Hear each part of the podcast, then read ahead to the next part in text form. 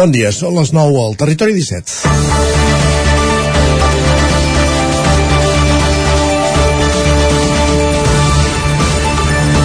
Sovint, quan parlem de grans xifres pressupostàries, hi posem l'afegitó que l'important, però, no és el pressupost, sinó l'execució.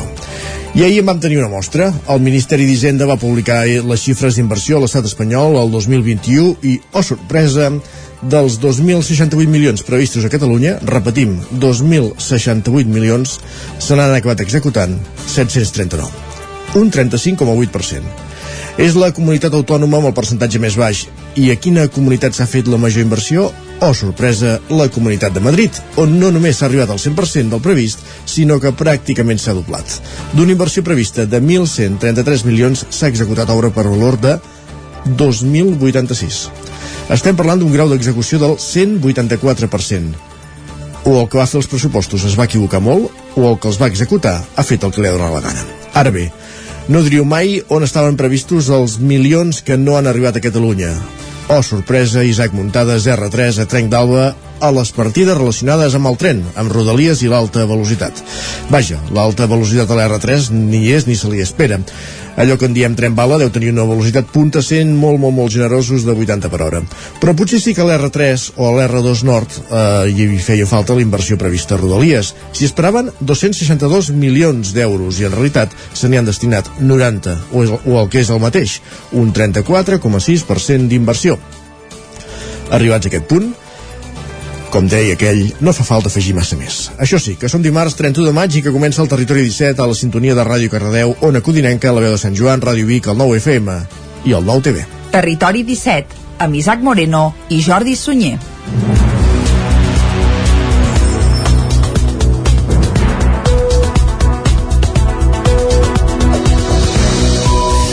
Doncs vinga, passen dos minuts de les 9 del matí d'avui dimarts, dia 31 de maig de 2022. Avui tanquem mes, però evidentment el cobrim és un nou territori 17 que avui, com sempre, durant la primera hora us acostarà tota l'actualitat de les nostres comarques. A partir de les 10, més informació, farem una mica de meteorologia amb en Pep Acosta i a l'entrevista avui, Isaac, cap on anirem?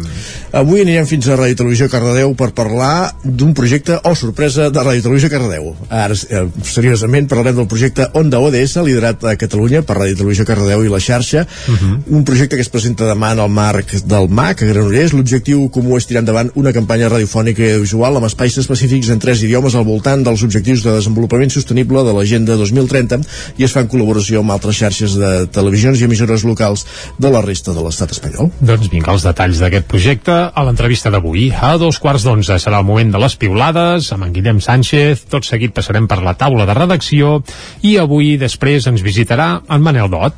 Per parlar de medi ambient i meteorologia, sobretot per repassar meteorològicament el que ha donat de si aquest mes de maig que avui acaba, un mes de maig marcat per aquell cap de setmana amb temperatures de rècord, sí, de ple agost. pràcticament, mm -hmm. de ple agost, i els xàfecs de, del cap de dos dies. En fi, entre d'altres qüestions, de fet, han fet un titular així ràpid, amb el Manel Dot repassarem al detall aquestes dades. Doncs vinga, uh, Manel Dot, avui farem repàs al mes de maig que deixem ja gairebé enrere, tot i que avui encara som dia 31, eh? encara ens en queda un tros.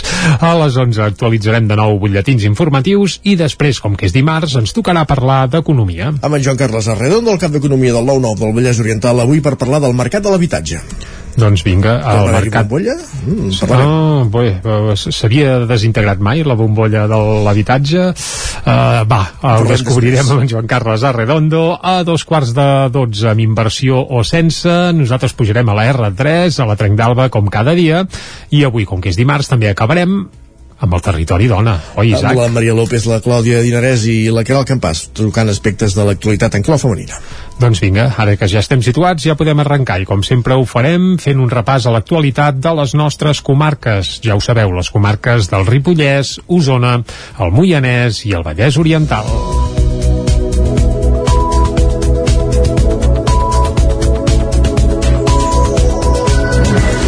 Per explicar-vos que les direccions i comandaments del Consorci Hospitalari de Vic i professionals de la salut es van concentrar ahir davant l'Hospital Universitari en suport a les persones que van liderar la campanya de vacunació a Catalunya. I ho van fer per mostrar la indignació per la investigació judicial que s'ha obert per un presumpte retard en la vacunació a guàrdies civils i policies estatals. També es van convocar concentracions davant de l'Hospital Universitari de la Santa Creu de Vic i a l'Hospital Sant Jaume de Manlleu.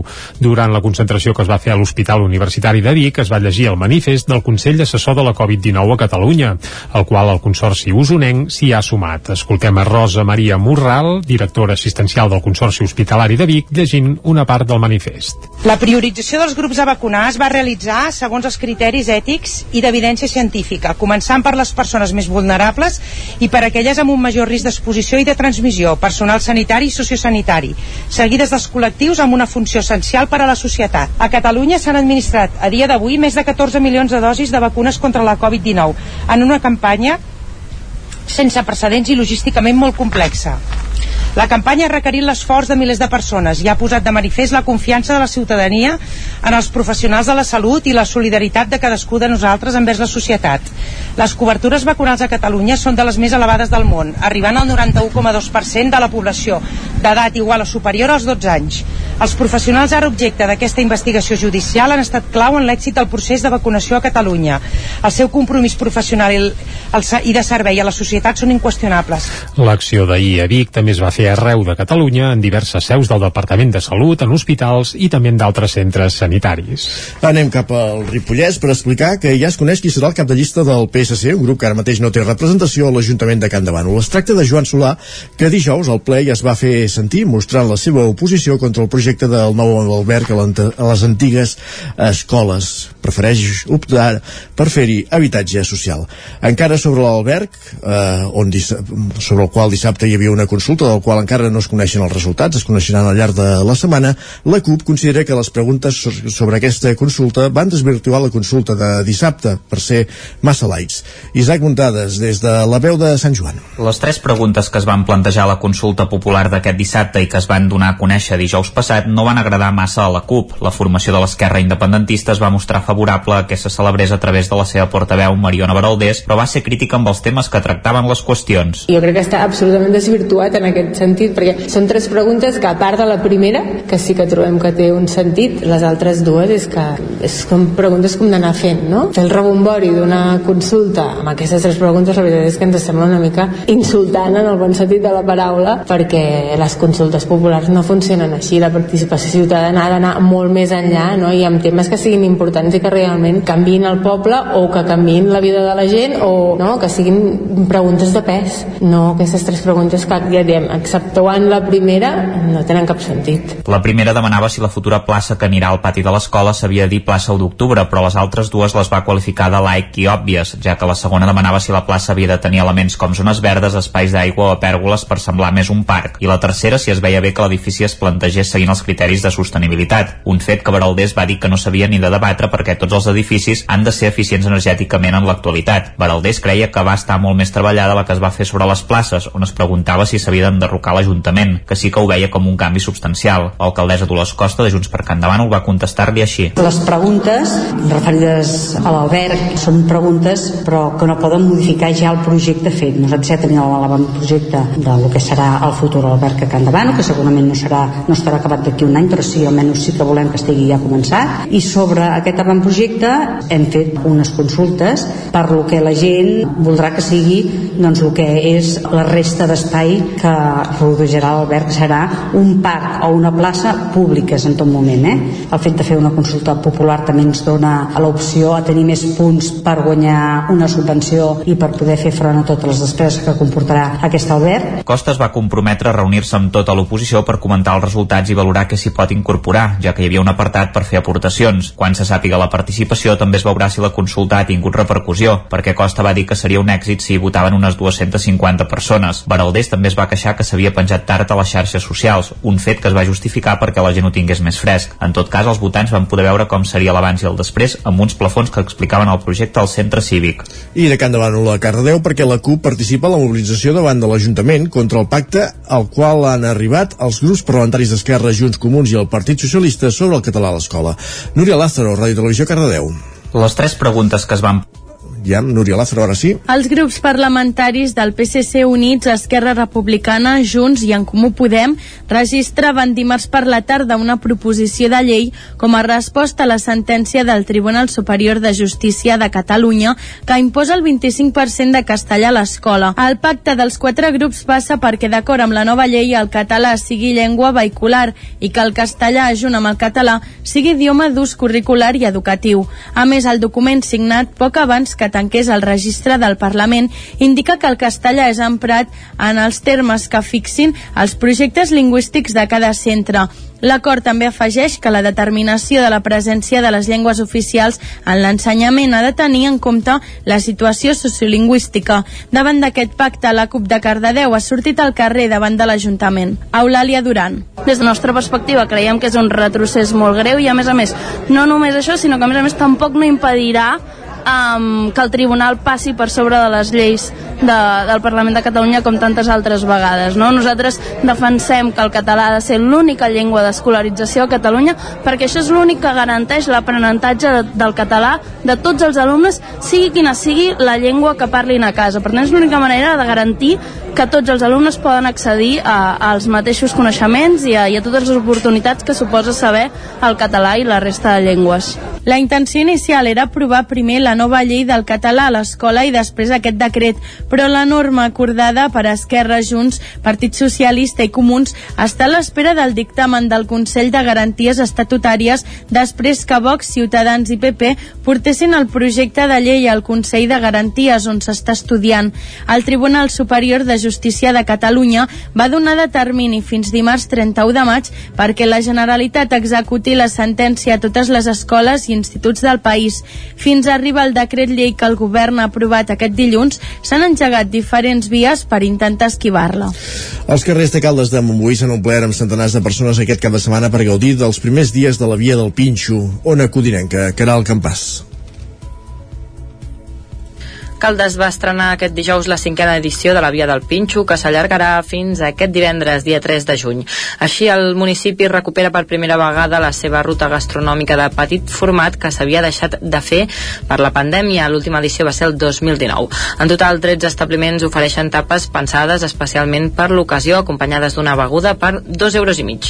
Són l'Àgora de Pindep, el Balneari Broquetes, el Cafè del Centre, Can Jota, el Festuc Cafè, Cafeteria Fundació Santa Susana, el Frankfurt de Caldes, la cafeteria Gaudim, la Pallaria, Los Maños de Robert, el restaurant Olimpo, el Pellizquito i l'Uquillo Sushi Bar. Enguany es redueixen el nombre d'establiments participants que havien arribat a ser una trentena per les complicacions que està patint el sector després del coronavirus. Aquests dies als carrers de Caldes ja s'ha notat l'ambient festiu amb desenes de persones que van d'un local a l'altre. L'esperada cita mou la gent del poble i dels voltants que es reuneixen i es marquen una ruta per provar el màxim d'etapes possibles en una tarda o vespre vespre. Arnau Villasante, de l'Uquillo Sushi Bar i guanyador del premi de diverses edicions, destacava l'impuls que els dona a l'hora de visibilitzar-se. I bé, i al final doncs, fa molt poble, eh, visibilitza també la feina que fem els restauradors, eh, també als nostres locals arriben clients que potser no són habituals, però que al final potser, o perquè no et coneixen, o perquè al final el tipus de servei que fas doncs, no els encaixa, però la veritat que mou a tot el poble i l'ambient que es viu a tot el poble és super maco, perquè la gent doncs, va d'un local a l'altre i a més a més doncs, l'ambient és festiu i que ella també per al que estem vivint doncs, ens acompanya. Altres restaurants com l'Olimpo, situat als afores, o la cafeteria de la residència Santa Susana coincidien en destacar aquesta visibilització. Sentim Míriam Alba, responsable de la cafeteria de la residència Santa Susana. Mira, aquí hem fet una esferificació, farem així, d'escudella i cardolla. Per un cantó donem el xupito de l'escudella i després tenim la croqueta de la cardolla i la croqueta de la verdura. El bar de la residència no és la primera vegada que es presenta i enguany ho fa amb una tapa de croquetes. Donar a conèixer, per la meva opinió personal, conèixer, donar a conèixer a la gent la residència, perquè poder molta gent no la coneix, que el menjar doncs, el fem força, força bo i fer que liu, suposo, amb el poble i amb la resta dels restaurants, fer una mica de pinya. Els establiments podran optar a tres guardons, entre els quals hi ha el Premi Pinxo Popular, que otorga al públic mitjançant el vot que es diposita a les urnes dels establiments.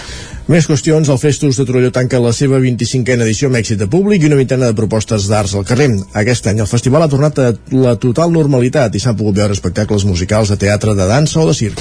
El Festus va omplir aquest cap de setmana els carrers de Torelló amb una vintena de propostes artístiques. Amb èxit de públic, el festival celebrava els seus 25 anys. Escoltem per aquest ordre Xevi Lozano, regidor de Cultura de l'Ajuntament de Torelló, i a Blai Marginedes, coordinador del Festus. Bé, 25, 25 anys som, som, molts, són moltes edicions, és un festival que s'han que s'ha anat consolidant, que han anat agafant el seu, el seu perfil, el seu caràcter, i creiem que ara està ja plenament definit, plenament consolidat com a, com a tipus de festival i el que esperem és doncs, que vagi creixent amb, amb assistència, que cada vegada la gent el conegui més, no només la gent de Torelló, sinó d'arreu de la comarca. Propostes, com sempre, de dansa, teatre, música, arts visuals i circ, uh, per Torelló en els diversos espais del casc antic i, i, i propers i aquest any una mica seguint la filosofia de l'any passat d'expandir-nos no, més enllà de, dels espais més del casc antic.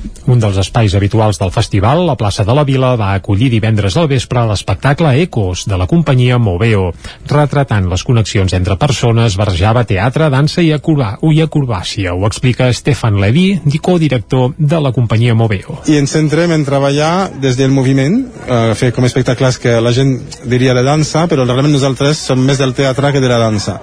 Uh, I això és important perquè ens permet tenir un altre tipus de relació amb el públic, un altre tipus de història que es conta a l'escenari, que no és purament formal, sinó que a partir del que fem, que és de moviment molt complicat i arriscat, no perdem la, la connexió amb el públic i la manera de, de parlar directament amb la gent.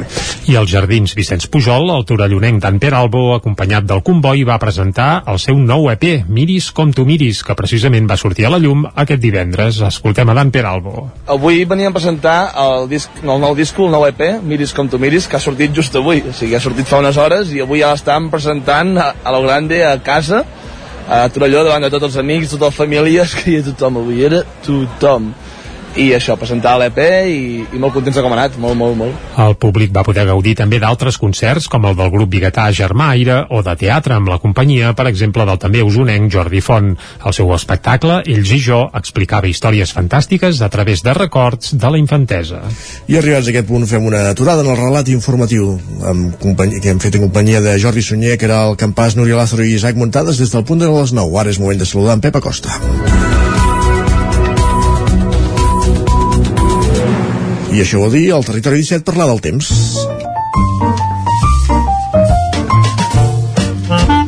Casa Terradellos us ofereix el temps. I avui tindrem un dia molt meteorològic, eh? perquè a part d'en Pep Acosta també ens acompanyarà en Manel Dot, més endavant, i bé, això vol dir que repassarem el mes que deixem enrere i amb en Pep el que farem és pensar en el temps que ha de fer eh, avui i també demà, i el saludem ja de seguida. Pep, salut i bon dia. Hola, molt bon dia. Molt bona hora, també. Benvinguts a la informació meteorològica. Gràcies. Avui, últim dia ja uh Mhm. -huh. del mes de maig. I tant. Ens uh, tenim aquí a la cantonada, bueno, Mhm. cantonada no, més a prop i tot. Sí.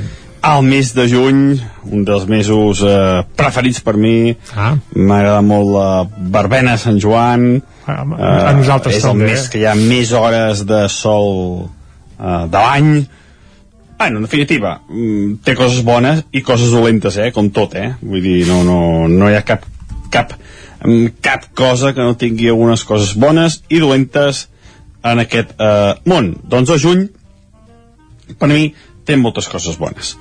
Però bueno, eh, anem pel temps, anem pel temps, perquè eh, ahir va ser un dia semblant al diumenge, eh, però les tempestes, eh, com, com vaig pronosticar, no van ser eh, tan intenses ni tan extenses. Eh, va tornar a ploure cap al nord del Pirineu, al nord de les comarques, cap a la zona d'Ull de Ter, Núria, allà entre 10 i 20 litres en tota aquella zona. És bona notícia, eh? Les capçaleres del, del Ter i el Freser porten dos dies que han rebut més de 50-60 litres, eh, almenys, mira, un lloc ha plogut i sempre és bona notícia que creixi eh, que, que plogui, perdó, a les capçaleres dels rius. Esperem que aquesta puja afecti a més llocs aviat, eh, perquè sé que la setmana passada, però tenim encara un dèficit d'aigua important a moltes, moltes zones. Uh, què més? Uh, avui ens hem llevat amb unes temperatures una mica més suaus, uh, està, ens afecta una falca anticiclònica uh, que serà uh, més accentuada els pròxims dies, aquesta falca anticiclònica, i que ens envia una mica de vents de sud, uh, vents de sud que no són molt importants, no ens afectaran de manera molt importants, no vindrà la por sahariana, que va vindre fa, fa 10 dies i que va fer pujar tant la temperatura, eh, no serà tan important aquesta entrada de vents de sud, però sí que lo suficient perquè les temperatures vagin pujant al llarg d'aquesta setmana. Avui molt de sol aquest matí, ahir va ser un dia més variable, avui no, avui molt de sol, de cara a migdia també molt de sol, i les temperatures ja fregaran els 30 graus o fins i tot superaran a les poblacions més càlides de les nostres comarques. Si bé la majoria màximes entre els 26, 28, 29 graus. De cara a la tarda tornaran a queixar alguna nuvolada cap al Pirineu, però seran nuvolades poc importants. Uh, no deixaran uh, cap precipitació. Uh, si cau alguna cosa, seran quatre gotes del tot anecdòtiques i molt poc importants cap a les mateixes zones que ahir i diumenge, cap a la zona de Ull de Ter, Núria i zones pròximes. Però ja dic eh, que és molt difícil que caiguin eh, precipitacions en aquella, en aquella zona. I això és tot, eh, ja dic, eh, tenim anticicló, el temps és bastant estable, poques nuvolades i les temperatures una mica més altes que les d'ahir. Un temps eh, típic i tòpic per acomiadar el mes de maig. Comencem ja al juny, que és bastant més càlid, o començarem unes temperatures altes, i sembla que de cara al cap de setmana, això sí, l'activitat tempestuosa serà més important. Veurem com evoluciona aquesta setmana i ho anem explicant aquí dia per dia. Moltes gràcies, adeu. Gràcies a tu, Pep. Exacte, anirem seguint dia a dia. Vinga, això ho farem. Anem ara cap al quiosc. Ràpidament. Vinga, va. Casa Tarradellas us ha ofert aquest espai. Moment d'entrar al quiosc, moment de veure com són els diaris avui mirant la seva portada. I de què tracten avui els diaris, Jordi? Bé, hi ha una mica de tot. Comencem, com sempre, fem habitualment pel punt avui. I el titular principal és cobertura legal. En marxa el decret que intenta driblar la sentència del 25% de castellà. El conseller validarà en última instància els projectes lingüístics dels centres. La fotografia, però, no és per la cobertura legal, sinó per una gran base de dades del modernisme. I és que un inventari que es pot eh, consultar en línia reuneix més de 9.000 edificis existents o destruïts eh, d'arreu, en aquest cas, de Catalunya. I la fotografia il·lustra una imatge d'una sabateria de Barcelona que hi havia al carrer de la Canuda, que es veu que ja ha desaparegut, però la portada, és a dir, la fotografia és espectacular i tal com era la sabateria també, malauradament, s'ha perdut i no es pot veure presencialment. Uh -huh. També apareix a la portada de, del punt avui que Sánchez posa l'OTAN d'excusa per gastar més en armes, així tal qual, eh? Uh, això també a la portada del punt avui. Anem a l'ara. L'Estat executa un 35% del previst a Catalunya i un 184% a Madrid un autèntic escàndol que qualsevol indret del món jo crec que faria que, que bé, que la gent fes com a mínim fes sentir la seva veu però però bé, així anem, eh? La fotografia, atenció, les fotos de Suzuki es queden a Catalunya i tot plegat s'il·lustra amb una fotografia de quan es construïa el Palau Sant Jordi i fa molta gràcia perquè es veuen un parell de camions Pegaso d'aquells d'abans. Clar, aquestes obres es van fer finals dels 80, principis dels 90 i té certa gràcia. Sí, sí, les fotos de Suzuki es queden a Catalunya. El gran fotògraf d'arquitectura dona el seu fons a, la fundació, a una fundació que hi ha a Barcelona. També la inflació puja de nou i s'enfila fins al 8,7% una altra autèntica bestiesa i també un apunt divertit a la portada de l'Ara i és que el llop s'expandeix per més comarques. Fins ara s'havia vist algun exemplar de llop al Ripollès, al Solsonès puntualment i ara sembla que se n'ha fet eh, bé, se n'ha vist algun exemplar a alguna comarca més i això vol dir que mica en mica eh, bé, no sé si són política però que, que n'apareix algun. Va, anem al periòdico. Vinga, l'Estat només va invertir un terç del previst a Catalunya. En una línia similar a la del diari Ara, l'execució del total pressupostat a Catalunya només va ser del 35,7%, mentre mentre que a Madrid la xifra va arribar al 184%. Per tant, a Madrid, si els n'hi havien de donar 100, els n'hi van donar 184. És Una animalada. és espectacular, sí. La fotografia, però, no és per aquesta manca eh, d'inversions estatals a Catalunya, sinó que és per una nena que no pot menjar. La Daniela, una nena de Madrid de 6 anys, rebutja tots els aliments i els metges no en troben la causa. Un botó gàstric la salva cada dia. Eh, el reportatge i els detalls del la malaltia que pateix aquesta malaltia doncs en un reportatge interior que apareix a dins del a dins de, del periòdico. i també combustibles i aliments tornen a empènyer la inflació fins al 8,7% anem a l'avantguàrdia. La inversió de l'Estat a Catalunya va ser tres cops inferior que a Madrid el 2021, 6 de cada 10 euros pressupostats a Catalunya van quedar sense executar, fet que va agreujar la tendència històrica. La fotografia és per Barcelona que s'arma contra la delinqüència estival i es veu un pispa, en teoria, emmanillat per uns eh, municipals que ja van amb calça curta, eh? per tant ja estan a punt per, bé, per l'estiu directament. I també veiem que la inflació es torna a desbocar i tanca el mes de maig en un 8,7%.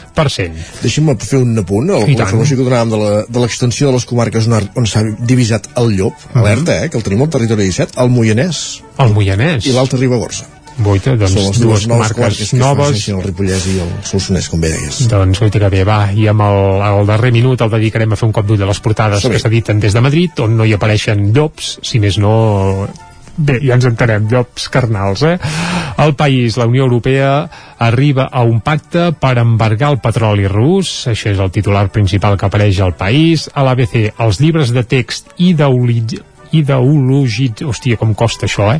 Uh, ideologizados provocan una crisis en el ministerio, és a dir, segons uh, l'ABC, els llibres de text adoctrinen, i això ha provocat una crisi al Ministeri, al Mundo, la trama corrupta uh, va crear una estructura per operar a Andalusia i també el govern desafia el tribunal i decreta inaplicable el 25%, en aquest cas parlen del govern català, i acabem fent un cop d'ull a la Razón, que diuen Moreno anirà a la investidura sense que hagi pactat prèviament amb Vox, eh, cosa que, bé, mm, alguns posaríem en dubte, però vaja, també malestar a la Moncloa pel boicot de Podem a la cimera de l'OTAN. Així eh, tanquem les portades. I tornem d'aquí 3 minuts al territori 17. El nou FM, la ràdio de casa, al 92.8.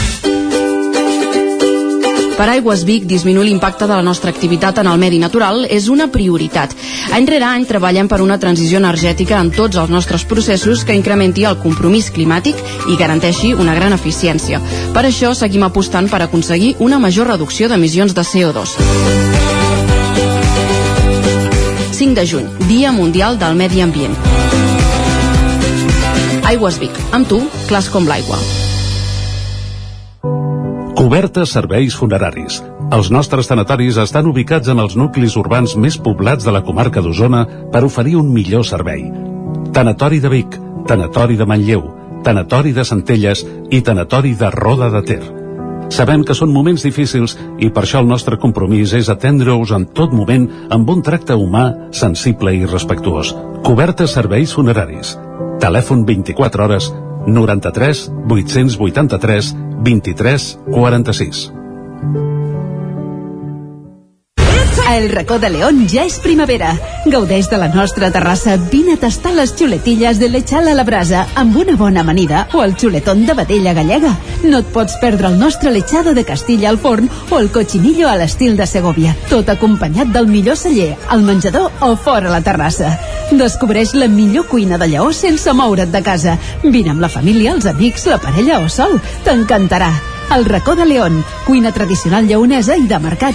Som al carrer Torelló número 35 de Vic. Per reserves, telèfon 93 889 1950. El racó de León, una cuina diferent.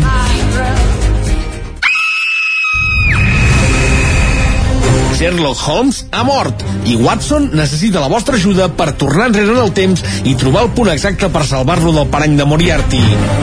Posa't en la pell del detectiu britànic i resol tots els enigmes en menys de 60 minuts per poder escapar.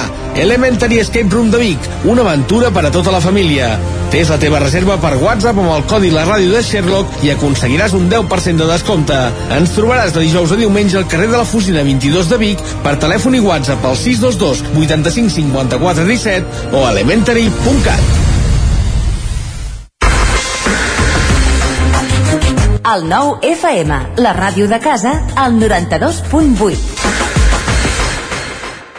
Anuncia't al 9 FM, la ràdio de casa. 9 3 8 8 9 4 9 4 9 Publicitat arroba al 9FM.cat. Anuncia't al 9 FM. La publicitat més eficaç.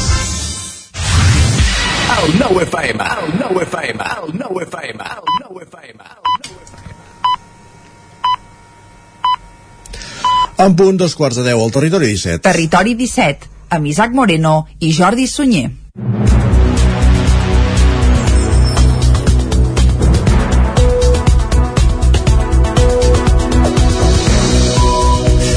Dos quarts de deu en punt, seguim en directe aquí a Territori 17, avui que és dimarts, dia 31 de maig de 2022, darrer dia del mes de maig, i és per això que, entre d'altres, avui ens visitarà, per exemple, en Manel Dot per fer balanç meteorològic d'aquest maig, on no hi ha hagut cada dia un raig, això també cal dir-ho, i si hi ha hagut, Isaac, una onada de calor espectacular fa un parell de caps de setmana que déu nhi eh? Sí, sí, temperatures de, de rècord.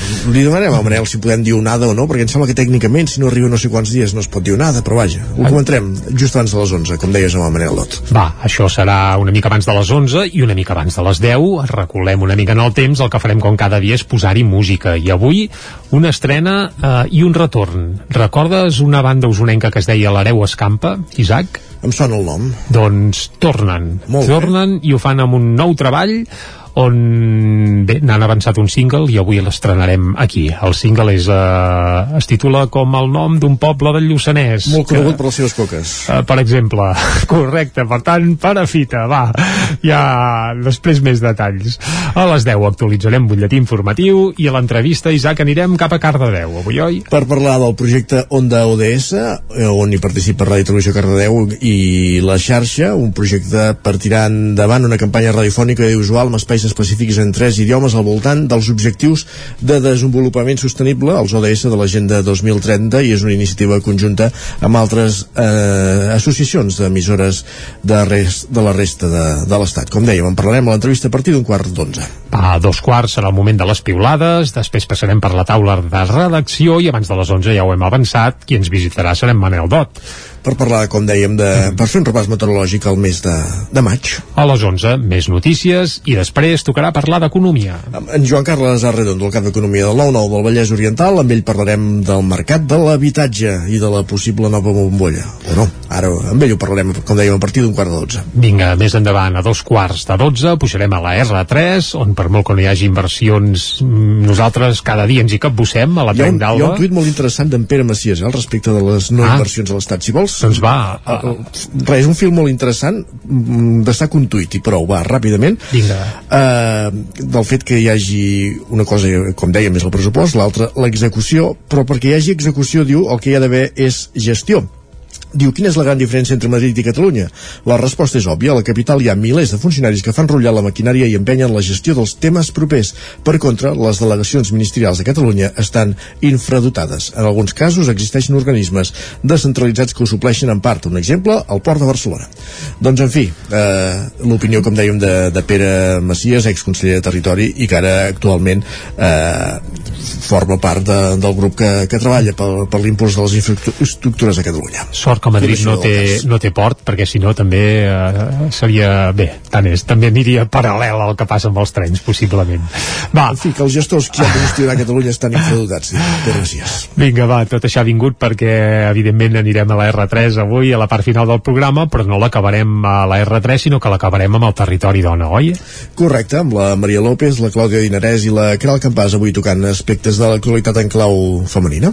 I ara que ja hem fet tot el repàs, el que farem des d'ara mateix i fins al punt de les 12, el que toca és seguir, i ho farem com sempre, acostant-vos l'actualitat de les nostres comarques. Ja ho sabeu, les comarques del Ripollès, Osona, el Moianès i el Vallès Oriental.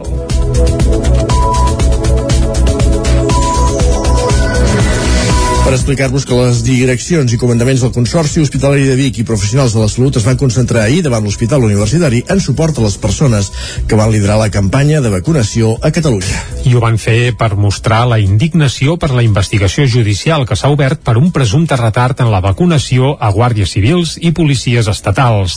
També es van convocar concentracions davant de l'Hospital Universitari de la Santa Creu de Vic i a l'Hospital Sant Jaume de Manlleu.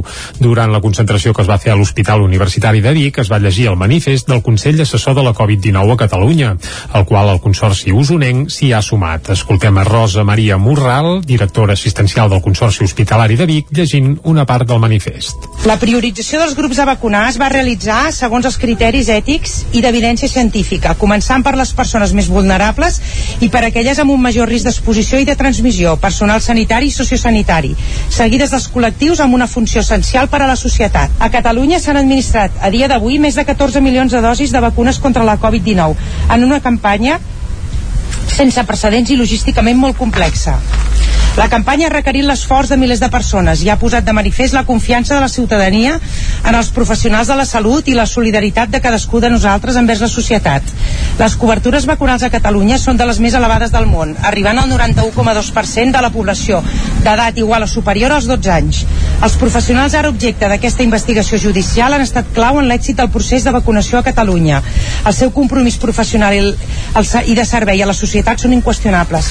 L'acció d'ahir a Vic també es va fer arreu de Catalunya en diverses seus del Departament de Salut, en hospitals i també en d'altres centres sanitaris. Anem cap al Ripollès per explicar que ja es coneix qui serà el cap de llista del PSC, un grup que ara mateix no té representació a l'Ajuntament de Can Davant. Es tracta de Joan Solà, que dijous al ple ja es va fer sentir mostrant la seva oposició contra el projecte del nou alberg a, a les antigues escoles. Prefereix optar per fer-hi habitatge social.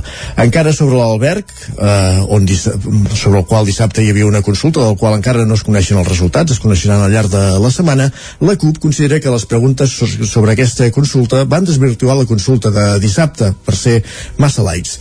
Isaac Muntades, des de la veu de Sant Joan. Les tres preguntes que es van plantejar a la consulta popular d'aquest dissabte i que es van donar a conèixer dijous passat no van agradar massa a la CUP. La formació de l'esquerra independentista es va mostrar favorable a que se celebrés a través de la seva portaveu Mariona Baraldés, però va ser crítica amb els temes que tractaven les qüestions. Jo crec que està absolutament desvirtuat en aquest sentit, perquè són tres preguntes que a part de la primera, que sí que trobem que té un sentit, les altres dues és que és com preguntes com d'anar fent, no? El rebombori d'una consulta amb aquestes tres preguntes la veritat és que ens sembla una mica insultant en el bon sentit de la paraula perquè les consultes populars no funcionen així, la participació ciutadana ha d'anar molt més enllà no? i amb temes que siguin importants i que realment canviïn el poble o que canviïn la vida de la gent o no? que siguin preguntes de pes no aquestes tres preguntes que ja diem exceptuant la primera, no tenen cap sentit. La primera demanava si la futura plaça que anirà al pati de l'escola s'havia dit plaça 1 d'octubre, però les altres dues les va qualificar de laic i òbvies, ja que la segona demanava si la plaça havia de tenir elements com zones verdes, espais d'aigua o pèrgoles per semblar més un parc, i la tercera si es veia bé que l'edifici es plantegés seguint els criteris de sostenibilitat, un fet que Baraldés va dir que no s'havia ni de debatre perquè tots els edificis han de ser eficients energèticament en l'actualitat. Baraldés creia que va estar molt més treballada la que es va fer sobre les places, on es preguntava si s'havia d'enderrocar l'Ajuntament, que sí que ho veia com un canvi substancial. L'alcaldessa Dolors Costa de Junts per Can Davant ho va contestar-li així. Les preguntes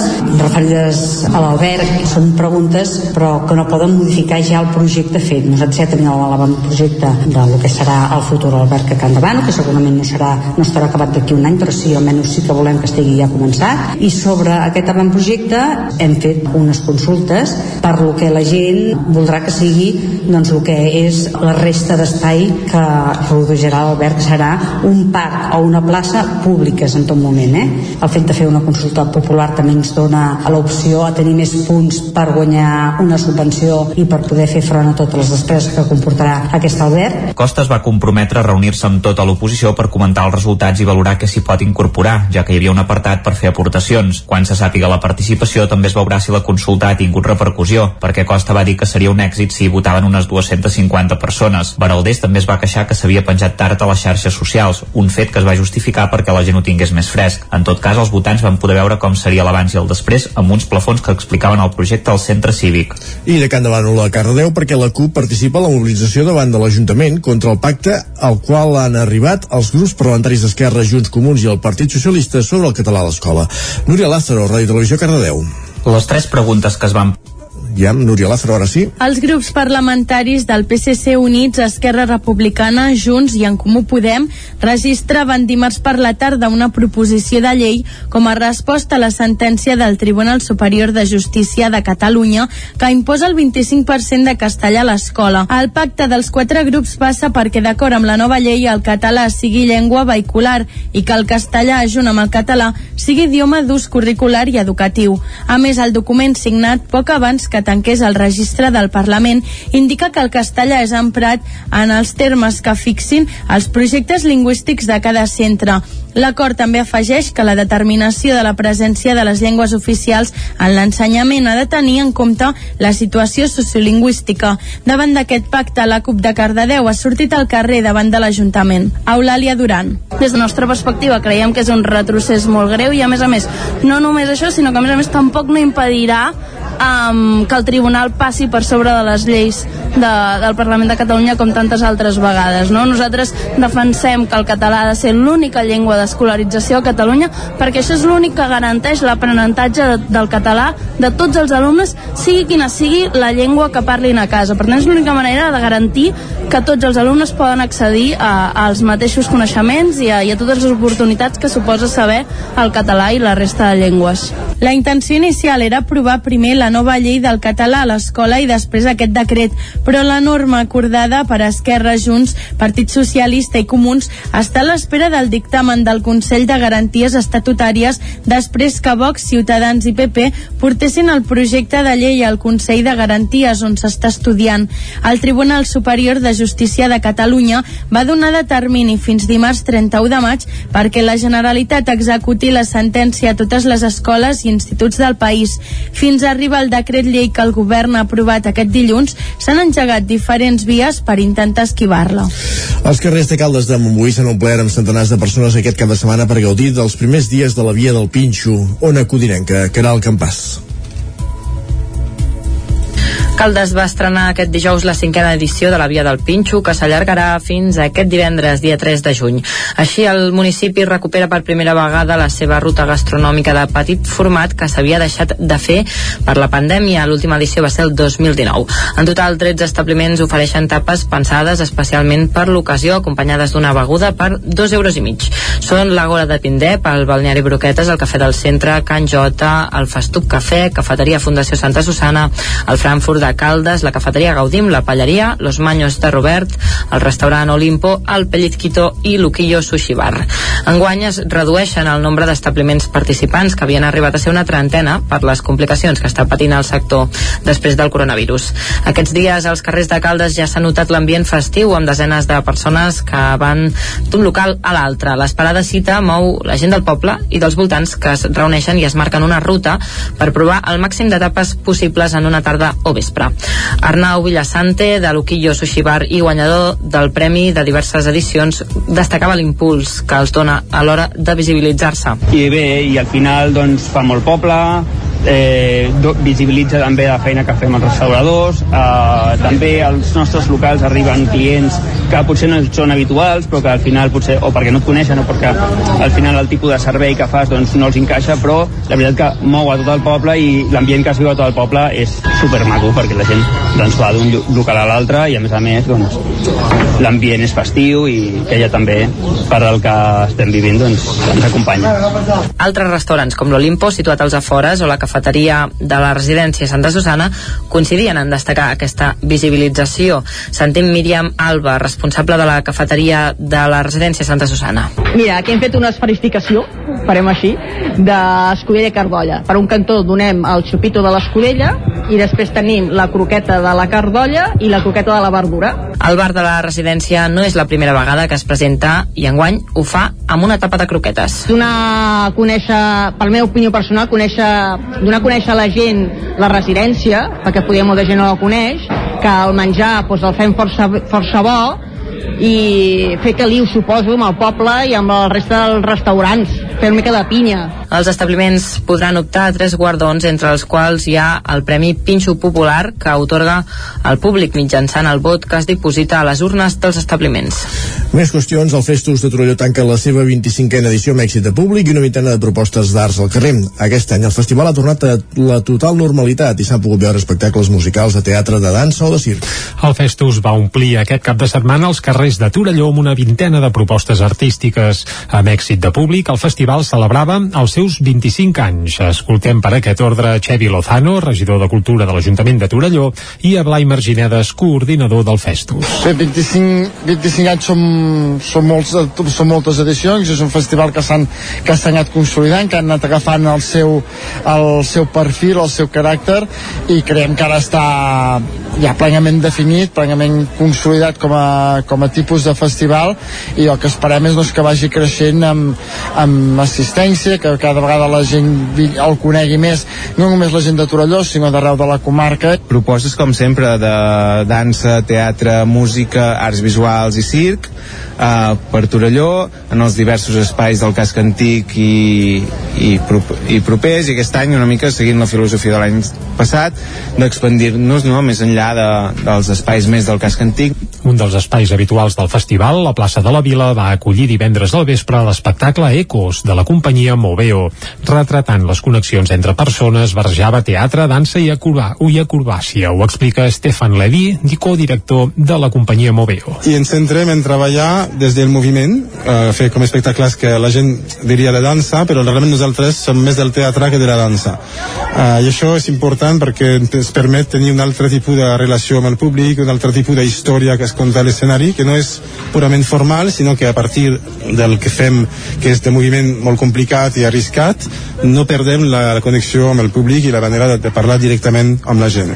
I als Jardins Vicenç Pujol, el torellonenc Dan Peralbo, acompanyat del comboi, va presentar el seu nou EP, Miris com tu miris, que precisament va sortir a la llum aquest divendres. Escoltem a Dan Peralbo. Avui veníem a presentar el, disc, el nou disc, el nou EP, Miris com tu miris, que ha sortit just avui. O sigui, ha sortit fa unes hores i avui ja l'estàvem presentant a, a lo grande, a casa, a Torelló, davant de tots els amics, totes les famílies, que hi ha tothom avui, era tothom i això, presentar l'EP i, i molt contents de com ha anat, molt, molt, molt. El públic va poder gaudir també d'altres concerts com el del grup biguetà Germà Aire o de teatre amb la companyia, per exemple, del també usonenc Jordi Font. El seu espectacle, Ells i jo, explicava històries fantàstiques a través de records de la infantesa. I arribats a aquest punt fem una aturada en el relat informatiu amb companyia, que hem fet en companyia de Jordi Sunyer, que era el campàs Núria Lázaro i Isaac Montades des del punt de les 9. Ara és moment de saludar en Pep Acosta.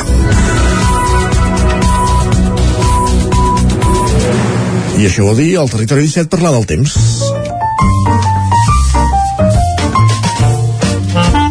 Casa Terradellos us ofereix el temps. I avui tindrem un dia molt meteorològic, eh? perquè a part d'en Pep Acosta també ens acompanyarà en Manel Dot, més endavant, i bé, això vol dir que repassarem el mes que deixem enrere i amb en Pep el que farem és pensar en el temps que ha de fer eh, avui i també demà, i el saludem ja de seguida. Pep, salut i bon dia. Hola, molt bon dia. Molt bona hora també. Benvinguts a la informació meteorològica. Gràcies. Avui, últim dia ja uh -huh. del mes de maig. I tant. Ens uh, tenim aquí a la cantonada, bueno, la cantonada no, més a prop i tot. Sí.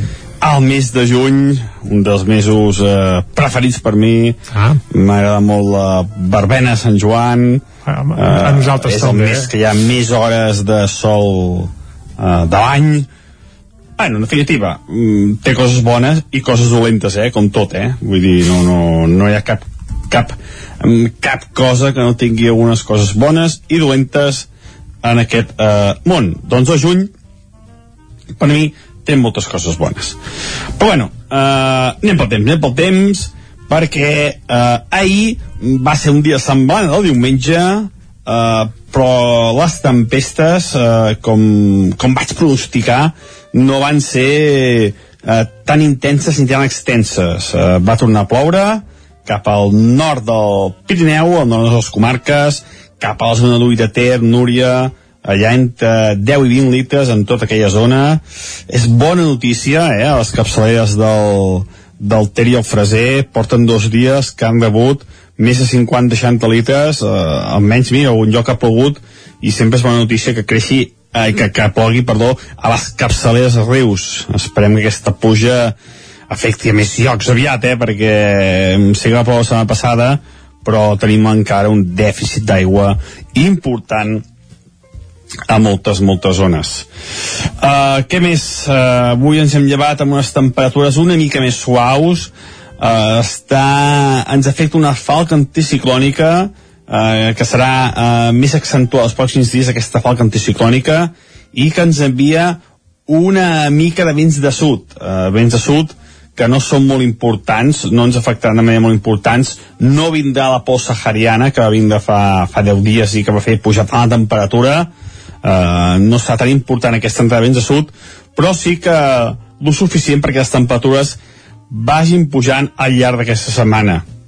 Avui molt de sol aquest matí, ahir va ser un dia més variable, avui no, avui molt de sol, de cara al migdia també molt de sol, i les temperatures ja fregaran els 30 graus o fins i tot superaran a les poblacions més càlides de les nostres comarques. Si bé la majoria màximes entre els 26, 28, 29 graus. De cara a la tarda tornaran a queixar alguna nuvolada cap al Pirineu, però seran nuvolades poc importants.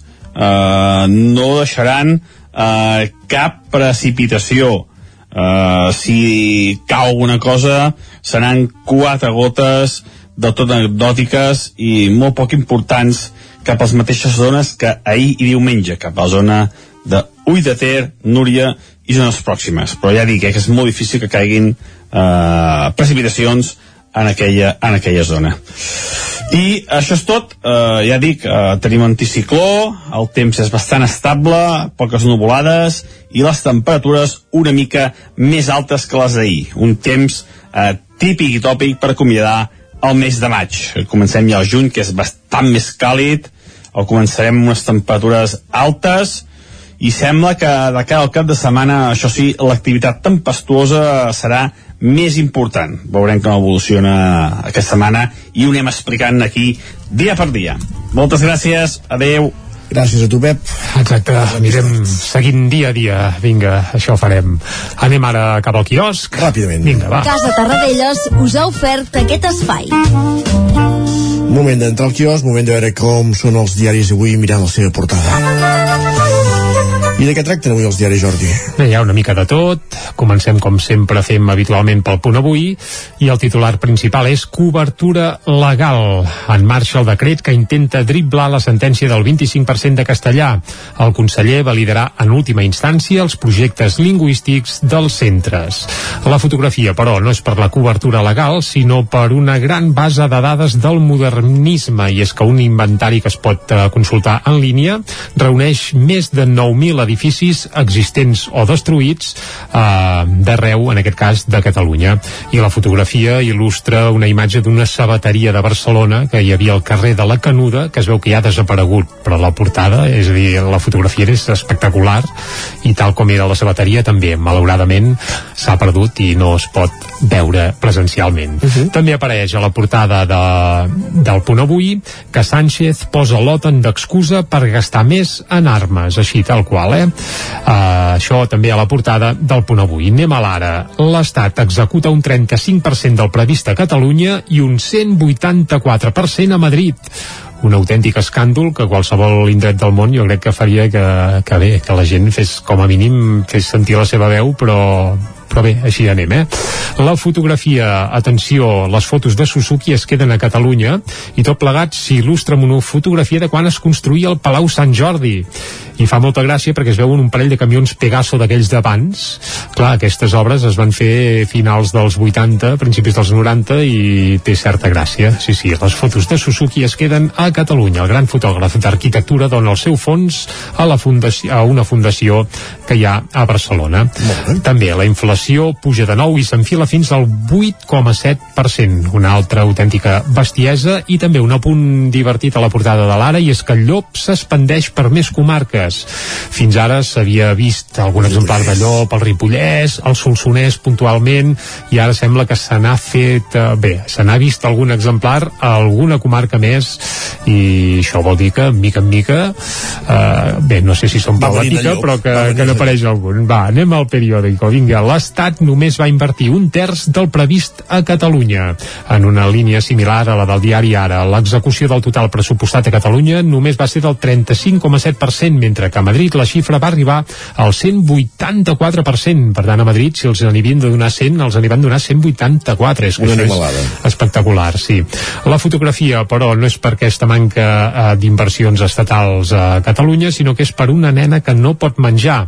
La Daniela, una nena de Madrid de 6 anys, rebutja tots els aliments i els metges no en troben la causa.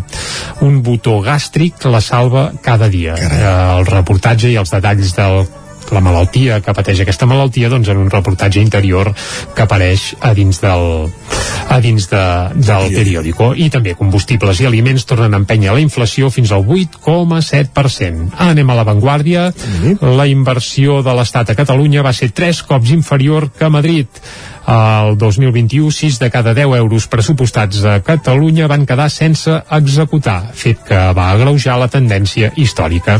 La fotografia és per Barcelona que s'arma contra la delinqüència estival i es veu un pispa, en teoria, emmanillat per uns eh, municipals que ja van amb calça curta, eh? per tant ja estan a punt per, per l'estiu directament.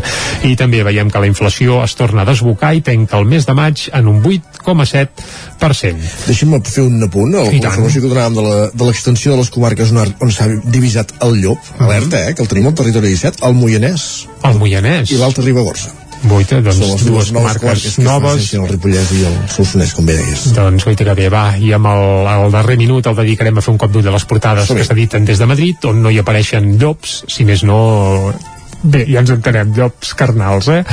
El país, la Unió Europea, arriba a un pacte per embargar el petroli rus. Això és el titular principal que apareix al país. A l'ABC, els llibres de text ideolitz ideologit... Hòstia, com costa això, eh? Uh, ideologizados provocan una crisis en el ministerio. És a dir, segons uh, l'ABC, els llibres de text adoctrinen. I això ha provocat una crisi al Ministeri. al Mundo, la trama corrupta uh, va crear una estructura per operar a Andalusia i també el govern desafia el tribunal i decreta inaplicable el 25%, en aquest cas parlen del govern català, i acabem fent un cop d'ull a la Razón, que diuen Moreno anirà a la investidura sense que hagi pactat prèviament amb Vox, uh, cosa que, bé, mm, alguns posaríem en dubte, però vaja, també malestar a la Moncloa pel boicot de Podem a la cimera de l'OTAN.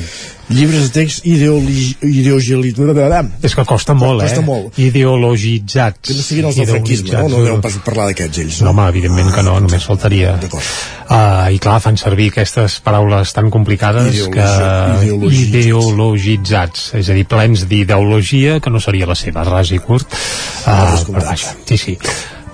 Uh, tanquem aquí el tema portades. Sí, anem sí. cap a la música, que sempre és més I exacte, anem cap a la música i abans ja hem avançat que escoltarem el més nou de l'Hereu Escampa. Qui són l'Hereu Escampa? Doncs home, l'Hereu Escampa és una banda eh, relativament de culte, és a dir, mai ha set de masses, però bé, de, de, diguem que, que tenen ja un cert historial, tenen tres discos a les espatlles, bé, dos, i el tercer el trauran, atenció a aquesta tàctica que faran ells, perquè crec que això s'estendrà molt, és a dir, el 13 de juliol sortirà Futur Ancestral, el tercer disc de l'Hereu Escampa, però sortirà l'edició física, i si tu la vols engolir via plataformes, l'edició sí. digital no sortirà fins al 9 de setembre. Per tant, això és, sí que és donar una empenta al disc passant- físic, Està passant amb el disc dels pets, que no és Spotify. Correcte, Encara. correcte, i no hi serà fins d'aquí un temps encara, perquè pel que els hi paguen d'allò, doncs jo crec que això estaria bé que s'estengués, perquè per potenciar els formats físics, els de tota la vida, doncs mira, per que exemple, castigar qui els vol en plataformes, doncs d'una altra manera. Doncs l'Hereu de l'Escampa, que són aquest duet format pel Guillem Colomer i el Carles Generó, i tornen i ho fan amb un disc que es dirà, com hem dit, eh, Futur Ancestral, que sortirà al juliol, si el voleu a plataformes haureu d'esperar al setembre, i el primer single d'aquest nou disc es titula Parafita, i és una autèntica bomba, això sí, rural, amb l'imaginari Hereu Escampa, per tant que tampoc ningú s'esperi als Manel aquí, eh? però la veritat és que fa molt de goig i amb això arribarem fins al punt de les 10 aquí a Territori 17. Va.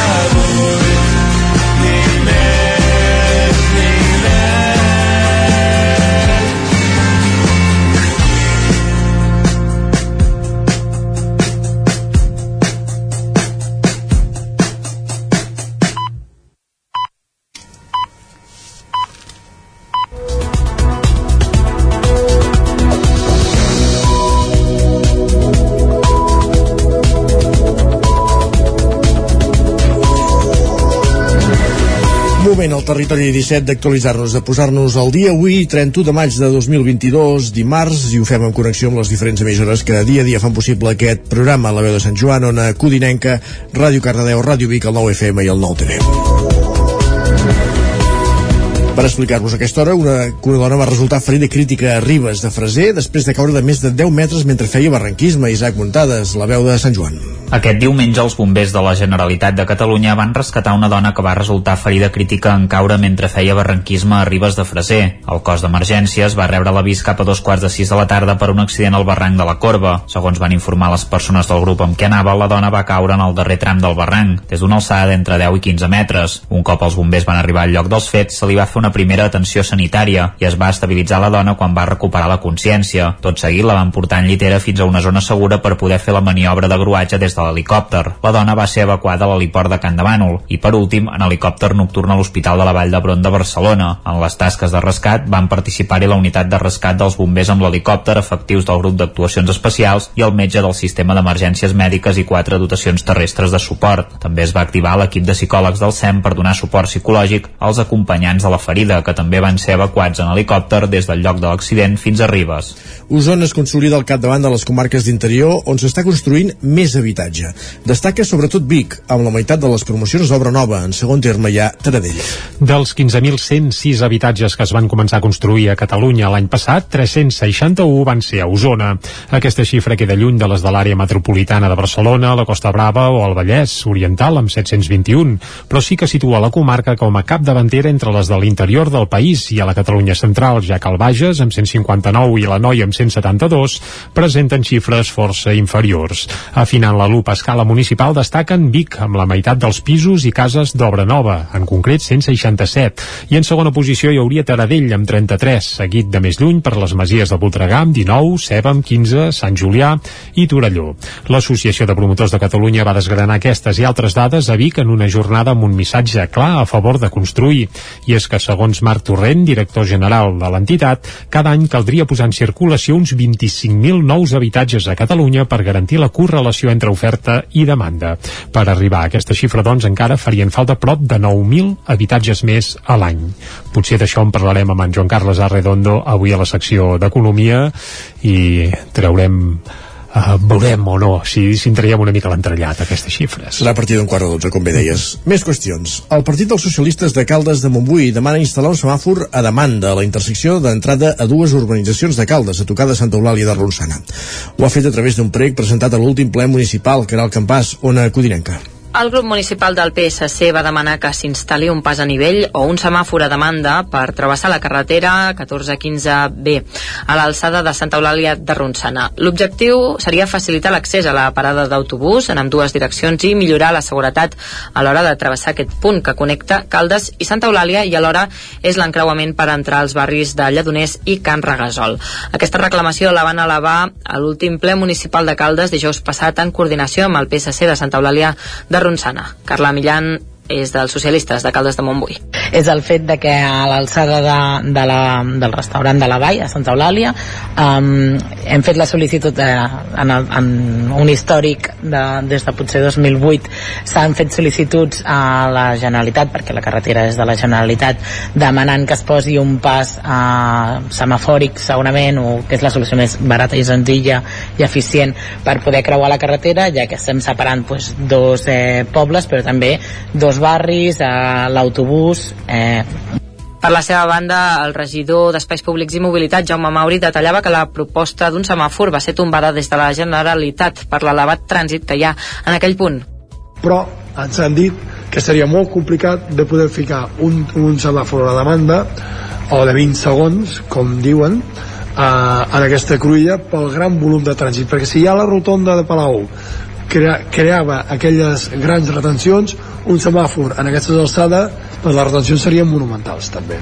Paral·lelament, el regidor va explicar que s'està treballant per millorar els accessos a les urbanitzacions de Can Valls i Torrenegrell des de la C59, on els veïns han organitzat talls de carretera les darreres setmanes per reclamar més seguretat. Segons el regidor, també es tenen en compte altres punts colindants a la C59, com la carretera 1413, que va cap a Sant Manat i que és un eix que travessa la població amb un alt volum de vehicles del tonatge. Nosaltres voldríem resoldre aquestes qüestions, són carreteres de titularitat de la Generalitat, però entenem que com a administració pública receptors d'aquestes necessitats dels veïns i, de la, i, i refractaris també d'aquesta peligrositat que la volem resoldre doncs serem, si em permeten l'expressió la gota Malaya o la mosca collonera amb la Generalitat fins que no arribin solucions definitives. I així ho dic al ple i també ho han dit davant dels veïns Mauri concluïa la seva intervenció al ple explicant que treballaran per trobar solucions i aconseguir dotar-les de pressupost entre totes les administracions públiques. D'altra banda, el PSC reclamava un compromís més ferm des del consistori a través d'un comunicat.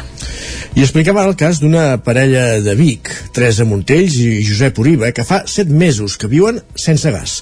El passat mes d'octubre, i a causa d'una reparació fora al carrer, van quedar-se sense subministrament i han hagut de passar l'hivern amb calefactors i un fogonet. Ara han decidit denunciar públicament el cost emocional i professional que els està comportant aquesta situació. Teresa Montells i Josep Uribe viuen al número 3 del carrer de la Fusina de Vic i la setmana passada van decidir denunciar públicament un mal son que va començar fa set mesos, quan els havien de fer unes obres senzilles per reforçar la façana de l'immoble on viuen que els va deixar sense gas.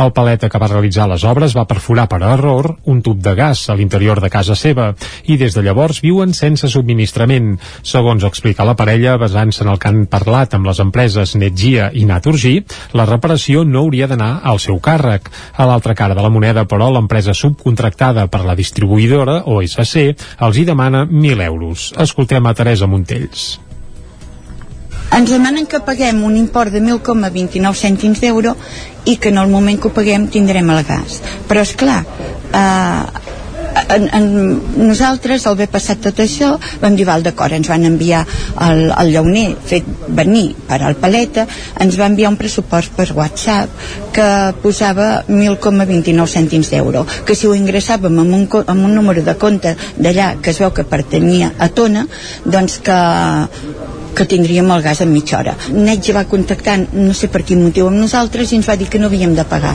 Clar, nosaltres vam dir, ostres, no hem de pagar, per què ens demaneu això si no hem de pagar? I a partir d'aquí es va crear tot el, tot el que s'ha creat, que des del 29 d'octubre, quarts de 4 de la tarda, que va, es va produir el sinistre, no tenim gas.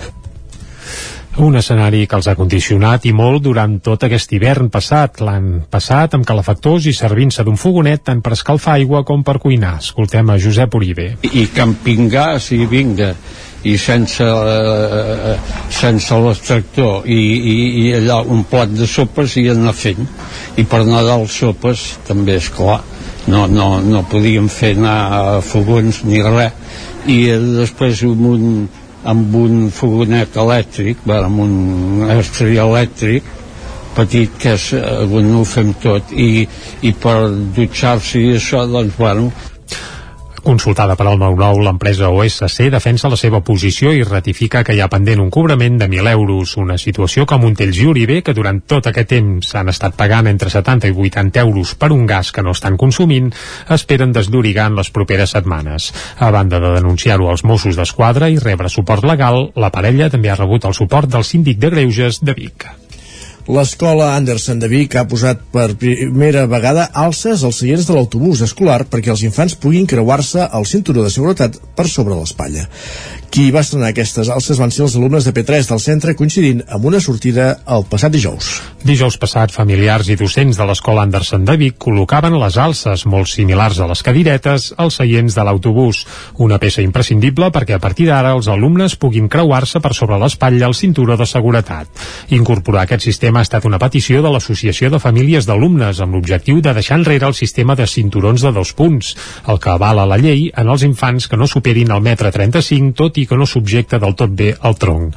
Escoltem a Laia Armengol, membre de l'Associació de Famílies d'Alumnes de l'Anderson. Nosaltres portem els nens amb sistemes de retenció infantil molt bons i a contramarxa totalment fins al màxim d'edat, però llavors ens trobem que un autobús van lligats com amb un avió i és com molt insegur. Si hi hagués un accident, doncs és insegur.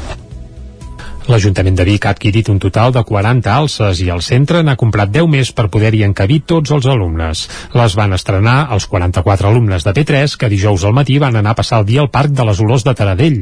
Ho explica Bego Ramírez, que és la directora de l'Anderson ens va arribar la iniciativa des d'unes famílies de, de de P3, demanant-nos a veure si seria possible doncs això, fes fer ús de les alces que des de l'Ajuntament ens van oferir tenir 40 alces, compartides amb les diferents escoles Bressol i les escoles.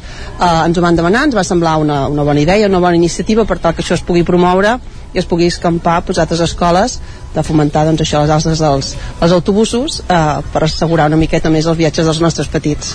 Decidits a avançar amb fermesa cap a la seguretat en el transport escolar, des de l'Anderson animen la resta de centres educatius de Vic i comarca a incorporar aquest sistema d'alces en el seu dia a dia. I encara, i encara en l'àmbit educatiu, alumnes de l'Institut Manuel Raspall de Cardedeu participen al projecte Escoles for Future.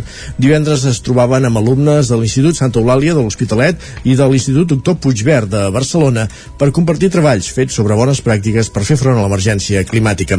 Núria Lázaro, Ràdio Televisió, Cardedeu.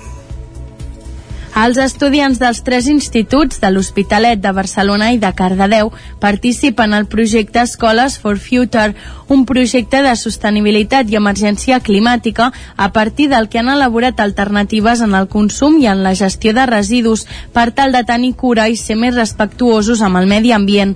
En aquest sentit han aprofundit en conceptes claus i després d'una anàlisi del seu entorn han elaborat un seguit de bones pràctiques que han compartit en una jornada Cardedeu. Noa Garcia i Naia Casas, alumnes de l'Institut Manel Raspai. He pogut compartir també i saber com funcionen allà i com es funciona aquí i els, els canvis que hi ha hagut o les millores. També la diferència entre Hospitalet, que és com una ciutat més gran, i Cardeu, que és un poble més petit i més familiar, i veure com han afectat, per exemple, el tema de les deixalles, com allà eh, sent pobles, o sigui, sent cases més petites i com han gestionat allà els residus, que és molt diferent a com ho fem aquí, que són cases més grans, com poder comparar una mica les experiències que hem tingut i, i tot això. Alguns exemples són la realització d'auditories tant a casa seva com a la seva comunitat de veïns i en alguns casos arriben al barri per tal d'establir millores en els seus hàbits de consum i o comportaments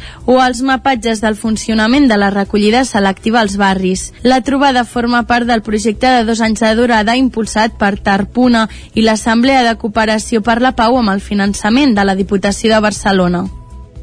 Gràcies, Núria. Anem, tornem a Osona. Sant Julià de la Torta va, dissabte, va acollir dissabte el Ceràmic, la Fira de la Ceràmica Artesana, que ha rellevat la Fira del Tupí.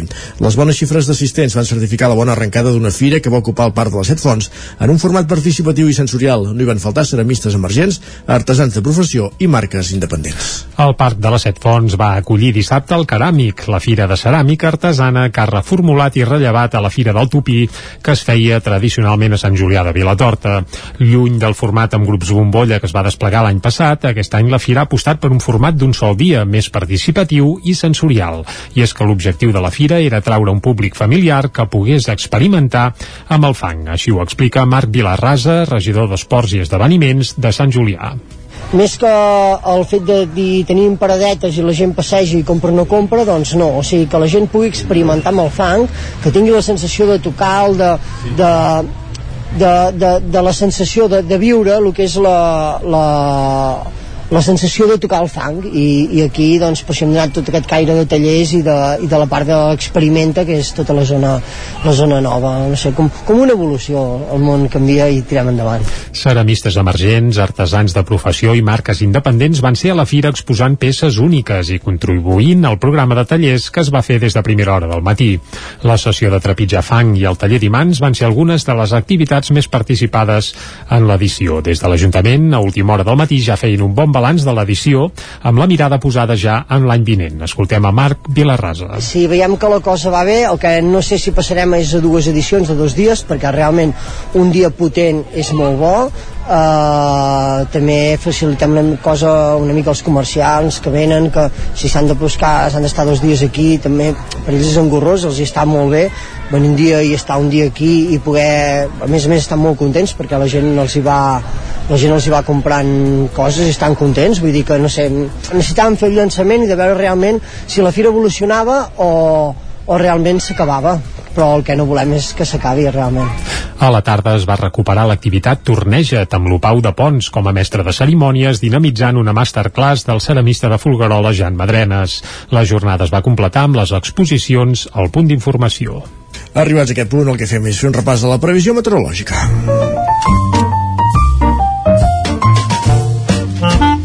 Casa Terradellos us ofereix el temps. I aquest repàs el farem, com sempre, amb en Pep Acosta, qui ja saludem de nou. Bon dia, Pep. Hola, Hola molt bon dia. Molt bona hora. Uh, avui ens hem llevat amb unes temperatures una mica més suaus. Uh, està... Ens afecta una falca anticiclònica uh, que serà uh, més accentuada els pròxims dies, aquesta falca anticiclònica, i que ens envia una mica de vents de sud. Uh, vents de sud que no són molt importants, no ens afectaran de manera molt importants, no vindrà la por sahariana, que va vindre fa, fa 10 dies i que va fer pujar la temperatura, eh, no serà tan important aquesta entrada de vents de sud, però sí que lo suficient perquè les temperatures vagin pujant al llarg d'aquesta setmana. Avui molt de sol aquest matí, ahir va ser un dia més variable, avui no, avui molt de sol, de cara al migdia també molt de sol, i les temperatures ja fregaran els 30 graus o fins i tot superaran a les poblacions més càlides de les nostres comarques. Si bé la majoria màximes entre els 26, 28, 29 graus. De cara a la tarda tornaran a queixar alguna nuvolada cap al Pirineu, però seran nuvolades poc importants. Uh, no deixaran uh, cap precipitació.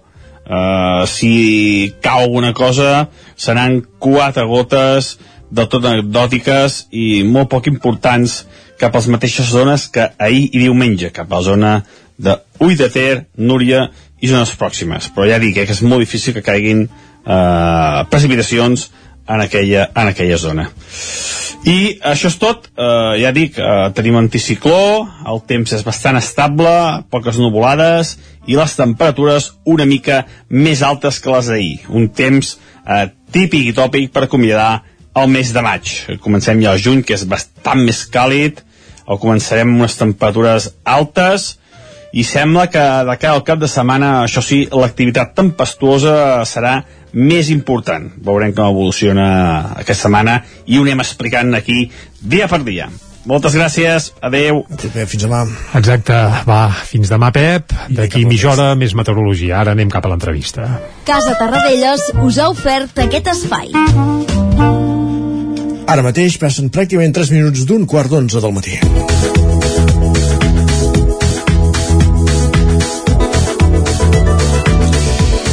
Aquesta setmana Granollers acull la primera trobada de mitjans locals i ODS, els Objectius de Desenvolupament Sostenible. L'espai Reconvert acollirà aquesta trobada dins el marc del Mercat Audiovisual de Catalunya, el MAC, on es pretén fomentar els debats i la reflexió sobre si el paper dels mitjans locals en la visualització dels grans reptes que suposen la implementació de l'Agenda 2030 a l'estat espanyol. Anem fins a Ràdio Televisió Cardedeu. Saludem primer de tot l'Òscar Muñoz. Bon dia, Òscar. Bon dia. Doncs sí, avui parlarem d'aquests ODS i estem aquí amb la Susana Cabiscol, coordinadora de Onda ODS Catalunya. Bon dia, Susana. Hola, bon dia. Primer de tot, explica'ns què són els Onda ODS. Bé, doncs els, els ODS són els objectius de desenvolupament sostenible um, que giren al voltant de l'Agenda 2030. Aleshores, Onda ODS és un projecte no, que s'ha engegat des de, des de MRTV, que és l'associació la, la, de mitjans locals d'Andalusia, EMUGA, que és l'Associació d'Emissores de, de Ràdio de, de Galícia, la REM, que és la Red de Medios Comunitarios um, a nivell estatal, i després um, Radio Televisió de Cardedeu de manera conjunta amb la xarxa, no? per poder donar una miqueta per, per poder estar a tot el territori espanyol no? i poder donar una mica de, de visibilitat al, a, a tot el territori. -huh. I ara ens explicaves qui forma part d'aquest projecte, Susana. Uh, com us heu organitzat entre aquestes entitats de, de mitjans locals, per entendre'ns? Doncs la veritat és que ha, costat una mica, eh? no ho negaré. Um, clar, al final som tots de diferents llocs, hem hagut de fer moltes videotrucades, hem hagut de, de trobar-nos um, diverses vegades a, a Madrid, um, en, el, en la jornada del MAC també aprofitem no, per fer una, una reunió i, i bueno, encara ens quedaran unes quantes no, per, per donar inici al, al projecte però mm, sí que és cert que des, de, des dels quatre socis um, el contingut és, és semblant l'únic que va dedicat cadascú al, al seu territori no? aleshores sí que trobem per exemple a contingut radiofònic i audiovisual um, que tractarà els mateixos temes tant a Catalunya com a Galícia, mhm. però veient les dues realitats diferents. I suposo que amb diferents idiomes i... Exacte, sí, la idea és que hi hagi un, un, una barreja total de, de llengües, tant la gallega com com l'asturià, o sigui, el basc, no? Totes, que cadascú ho faci en la llengua que s'hi senti més còmode i que tot aquest contingut s'aboqui a una plataforma on es puguin compartir tots, to, tots aquests arxius, no? tots aquests podcasts, tots aquests vídeos i, i tothom hi pugui tenir accés i tothom pugui trobar iniciatives de, de diferents llocs de, del territori espanyol um, al voltant dels ODS i en diferents llengües. És a dir, no, no és el fet que, cada, que es faci un contingut i es, i es tradueixi a les diferents llengües, sinó que es comparteix i llavors cadascú se l'adapta al seu mitjà, a la seva llengua i el, com li convingui, per entendre'ns, oi? Exacte, és a dir, en, el, uh, en les peces de, de ràdio, per exemple, tot el contingut que es faci radiofònic, cadascú el farà uh, en la seva llengua, però sí que és cert que després es passarà com el text escrit perquè cada mitjà um, el, pugui, el pugui traduir no? a la seva llengua o, o almenys el, el pugui entendre. -huh. I en el, pel que fa a l'audiovisual, um, com està pensat que siguin peces um, sense, sense gaire off, bàsicament que sigui molta imatge i, i molt, molt Chiron. Aleshores, uh, el, es posaran subtítols o aquests Chiron sí que aniran canviant no, de, de llengua perquè tothom ho pugui entendre. Molt bé.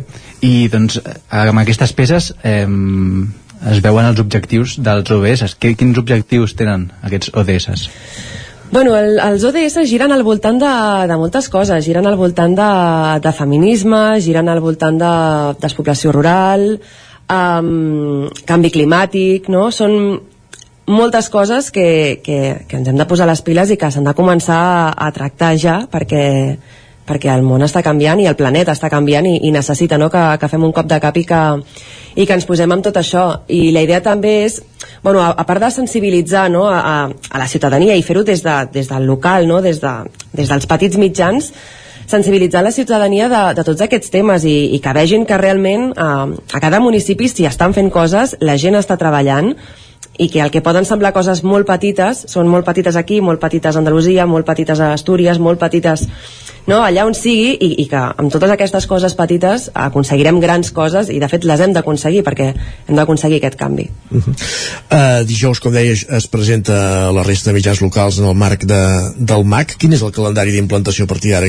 Quan veurem que cristal·litza uh, aquestes càpsules, uh, aquest material audiovisual als mitjans locals? Sí, doncs mira, el, el dijous, eh, bueno, de fet el dia 1 fem com la jornada de presentació um, en el mateix MAC uh, i exposem el projecte a totes les, les televisions, tots els mitjans de comunicació que formen part de, de la xarxa audiovisual local.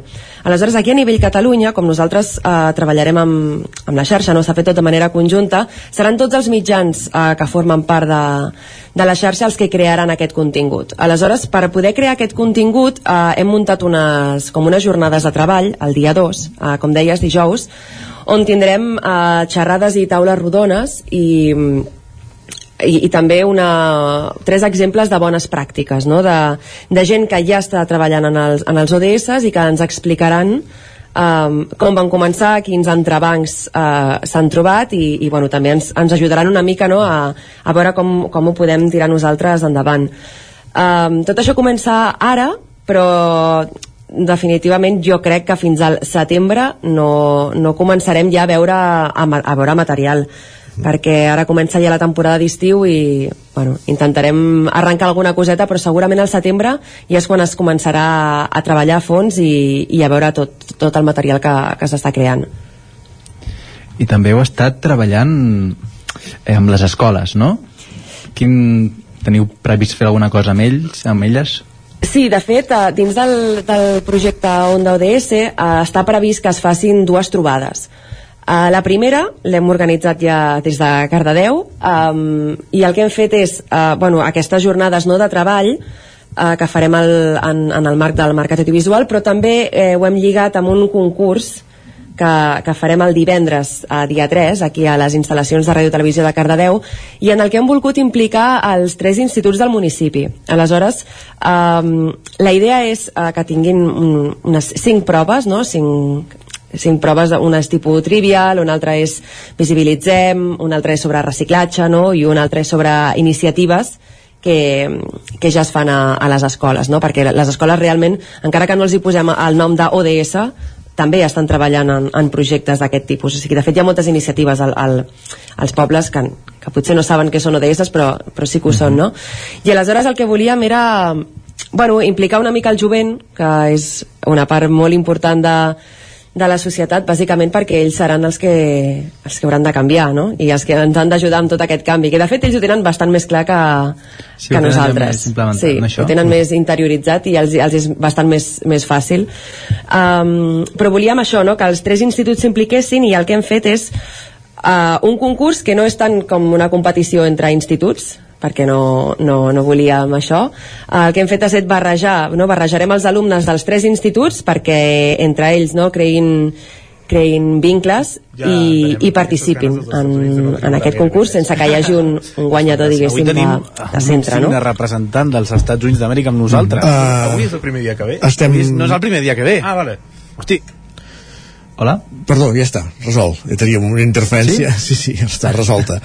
Disculpeu. Uh, hem estat coneixent, com deies, aquests objectius de ODS, de d'objectius del desenvolupament sostenible que cristal·litzaran amb, amb aquestes càpsules, amb aquest material audiovisual per ràdios i televisions locals que veurem en els propers mesos, que és un projecte que comença a caminar i que Catalunya, com de, deia a Bandera Ràdio Televisió Cardeu, amb la xarxa que treballa colze a colze amb altres entitats de mitjans locals de, de la resta de l'estat espanyol. Susana, moltes gràcies per ser avui al Territori 17 i sort en aquesta nova empresa que ara imaginem que, que se't gira feina. Moltes gràcies a vosaltres. Gràcies també, Òscar. Parlem més tard aquí al Territori 17. Fins després.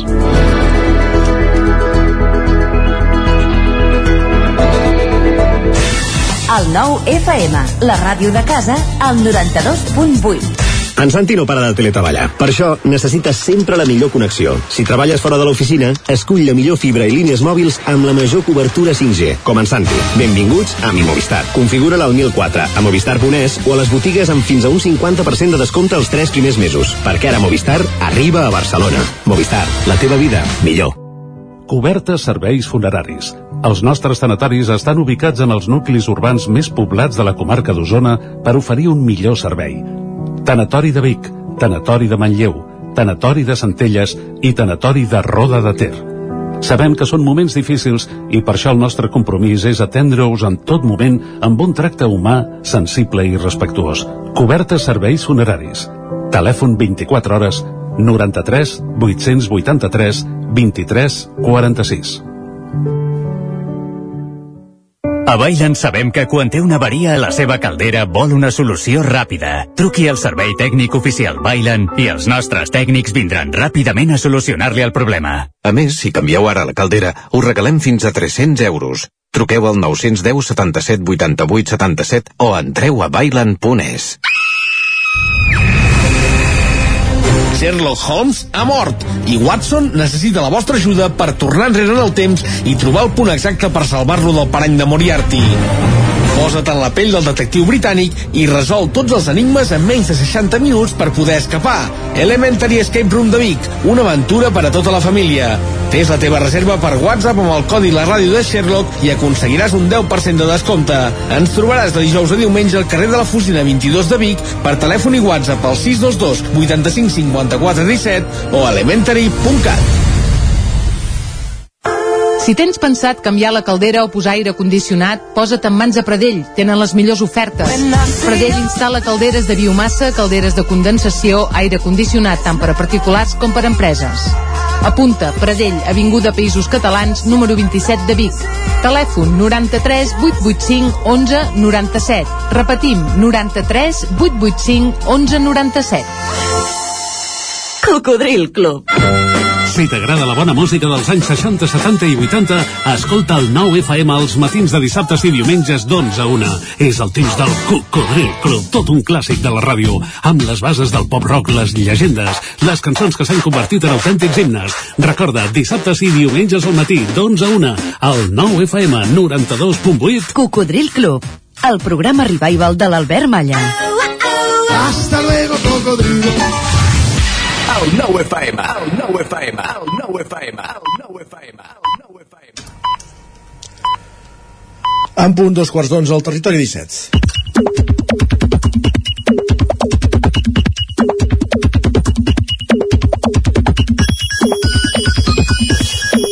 Quarts d'onze, quan arribem a l'equador del programa, és cada dia el torn de les piulades, de posar-hi una mica de- d'alegria i empenta, i per això ja tenim aquí en Guillem Sánchez. Guillem, salut i bon dia. Ben, ben retrobats, què tal? Sí, ahir feies festa, eh? O com va anar això? No, estàvem gravant un reportatge a l'hora Ah. de, les, de les piulades i no, no podíem ser dos llocs Val, alhora. perquè volia recordar que el festiu que és dilluns és el que ve, que és el- segona Pasqua, Pasqua Granada, Festa Major de Vila-seca, també deixa'm Bàsicament perquè no t'equivoquis, no vinguis. Sí, exacte, no, no.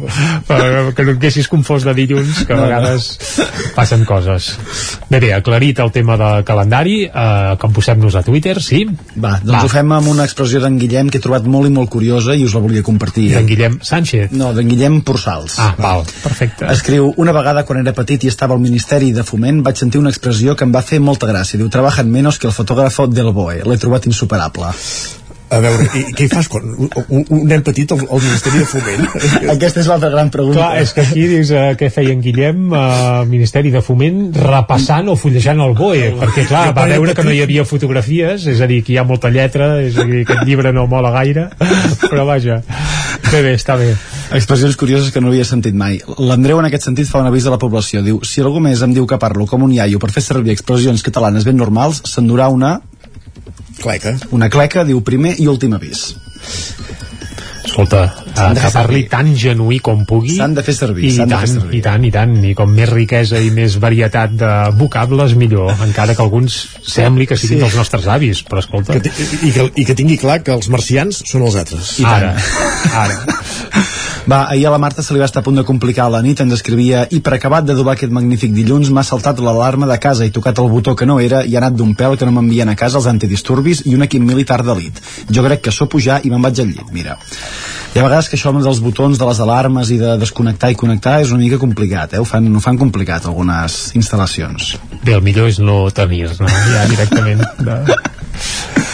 Va, Alarma. i, i què us semblen aquestes paraules de la Nane que ens diu, no sé si té a veure amb el tema mascareta dels últims temps però us estic veient molt guapos a tots doncs Ah, alegria, alegria no? Ostres, Home, que... tota i més ara que som ja de ple a la primavera I tant. i, el solet eh, bé, fantàstic, va, vinga Va, i temps per una reflexió d'en Miquel. No sé si esteu d'acord. Ens diu, em pensava que a aquestes altures no caldria incidir-hi, però recordeu que si caieu massivament bé a la gent és que alguna cosa esteu fent molt malament. Ah sí? Es veu que sí. Carai. Almenys és el que pensa ell. doncs jo crec que no subscriuria aquesta afirmació paraules eh? d'en Miquel. però escolta, cadascú, Cadascú. per opinions, per opinions les, les que siguin. Va, hi ha gent que no suporta fer-se gran, sinó que li diguin a aquest usuari que ens escriu ahir em vaig fer 40 i avui s'han alçat molt gratuïtament per deixar-me seure al metro. deixa'm li dir que 40 no són res no són res Està molt sensible, és ella que... No, si no s'haguessin alçat per deixar la seva també s'hauria queixat perquè la gent és molt sensible. No, no, pam, pam, pam. Possiblement. La Noelia, per això també es nota molt cansada amb l'edat que té. Diu, he dinat, he fet i enviat dues factures i he comprat entrades a uns amics pel partit de demà i ja sento que necessito estirar-me una estona. Aquests havien de ser els millors anys de la meva vida, deien. Ostres. Quin partit hi ha demà? No sé. clar, eh, partit, però l'altre tema És demà passat, eh, que juga el Girona. eh? Quin, quin mal hi ha en estirar-se No, no, cap, cap. és que escolta, això no és una qüestió d'edat és una qüestió de si pots, una migdiadeta allò Eh, escolta, alegria, que això sí que és vida, eh? I tant. Va, va i d'anys va la cosa, com ens diu l'Eric, que ens escriu M'he trobat una amiga que feia 8 anys que no veia mm -hmm. i que va ser molt important per mi. L'he convidada a dinar i ha estat genial, com si no hagués passat el temps com quan teníem 20 anys. Diu, és meravellós saber que les persones importants, per molt que la vida canvi, sempre hi seran. Quina reflexió més, més maca i més. Sí, a més està bé això de quan algú fa... quan és un amic de veritat, eh? A vegades estàs 7, 8, 10 anys que no el veus, el retrobes i al cap de 5 minuts ja sembla que et haguessis vist ahir. Això Correcte. no sé si us ha passat mai, però a mi m'ha passat vegades. Pell de gallina, és, és bonic, de gallina, és bonic. de gallina. També és senyal de fer-se gran, eh? que facin coses d'aquestes, però vaja. Va, i fent referència als passats, l'Espada Mala ha aconseguit aquesta setmana una cosa que feia temps que havia provat. Diu, 20 anys després de la meva primera experiència amb un soldador, en una classe al taller mecànic de l'escola agrària, finalment he completat la meva primera soldadura correctament i sense posar-me l'electroda a l'ull. El meu professor estaria molt orgullós. Per cert, ara que dius l'espada mala, eh, tinguem en compte que ha fet el segon concurs mundial de Can de Gall, eh? Correcte. Ho hem... Ui, ui, ui. I el segon concurs de mundial de Can, Can de Gall? Sí, sí. I el seu timeline de Twitter hi ha, evidentment, tots els participants i ja hi ha uh mhm. -huh. el guanyador. Vull dir que alguna hora el podem escoltar, aquest Can de Gall. I tant, podríem fer-ho, no? Doncs uh, estaria molt bé, eh? Va, durant aquesta setmana agafem Va, el ens ho posem de, de deures, sí. sí. Ens ho posem de, de, de deures, i tant. I vas participar, tu, Guillem? No, no. no per anar a una exhibició, un... un... Ostres, no. L'Isaac, potser, eh? Que no, està tampoc. més al cas, no. Jo el que sí que puc aportar és que el guanyador del primer concurs mm? va ser atacat per una guineu. Ara, pla! Després, després d'haver cantat, lògicament, clar. Sí, no, no, si no, malament si les guineus ja ho tenen, eh? que la viram eh, és una de les seues debilitats. Que ves, ves que no fos un llop, aquest famós llop, que ara també no volta que fos un moianès. No, eh? Val. Va, i crec que tu, Jordi, ja ens ho havies comentat en algun moment, però hi ha altres testimonis que en deixen constància, com en Marc, que ens escriu l'estratègia definitiva per evitar trucades comercials és dir que només parles català. És trist, però no falla mai. Bé, uh, encara poso algun insult, depèn com, però sí. Deixa'm dir que sí que falla a vegades, perquè truquen potser no el mateix, però si no és un altre, eh? Però vaja, sí, sí, jo la practico sempre. Doncs va, Bé. Uh, ens agafem com a deures escoltar Cants de Gall aquesta setmana. Molt bé. Escoltar i practicar, I practicar eh? Seria divertit, va. també, eh? Sí? T'imagines, jo? Home, vinga, aquí, aquí, aquí, aquí a fondo, va. Hi havia una cançó de l'Adrià Puntí que feia un quiquiriqui, però ara, ara no la reproduirem, però, ostres, m'ha vingut al cap, eh? Guillem, moltes gràcies. Va. Que vagi bé. I fem un cop d'ull ara mateix a les portades del 99.cat. Comencem per l'edició d'Osona i el Ripollès, que també podria ser la del Vallès. Per què? Doncs perquè comencen parlant d'aigua freda, que va votar si quedar-se al Vallès Oriental o passar-se a Osona. I durant el dia d'avui s'hauria de conèixer el resultat d'aquesta consulta que es va fer diumenge. De moment encara continua la incògnita. Més titulars. El govern vol revocar la concessió de les hidroelèctriques de Sant Quirze i de Ripoll i els ajuntaments contraris a la supressió dels jutges de pau. Anem ara cap al Vallès Oriental, cobra explicant que una investigació posa nom a dues víctimes no identificades del bombardeig de 1938 a Granollers, ens en van fer ressò ahir, precisament. També Granollers fa un acte d'agraïment als testimonis del bombardeig del 31 de maig del 38, lligat també a aquesta informació que citàvem ara, i també hi apareix Aigua Freda, que va votar si quedar-se al Vallès o passar-se a Osona. D'aquí poques hores suposo que en trobarem l'entrellat. Sí, de ser, ser el resultat. Gràcies, Jordi. Anem cap a la taula de redacció.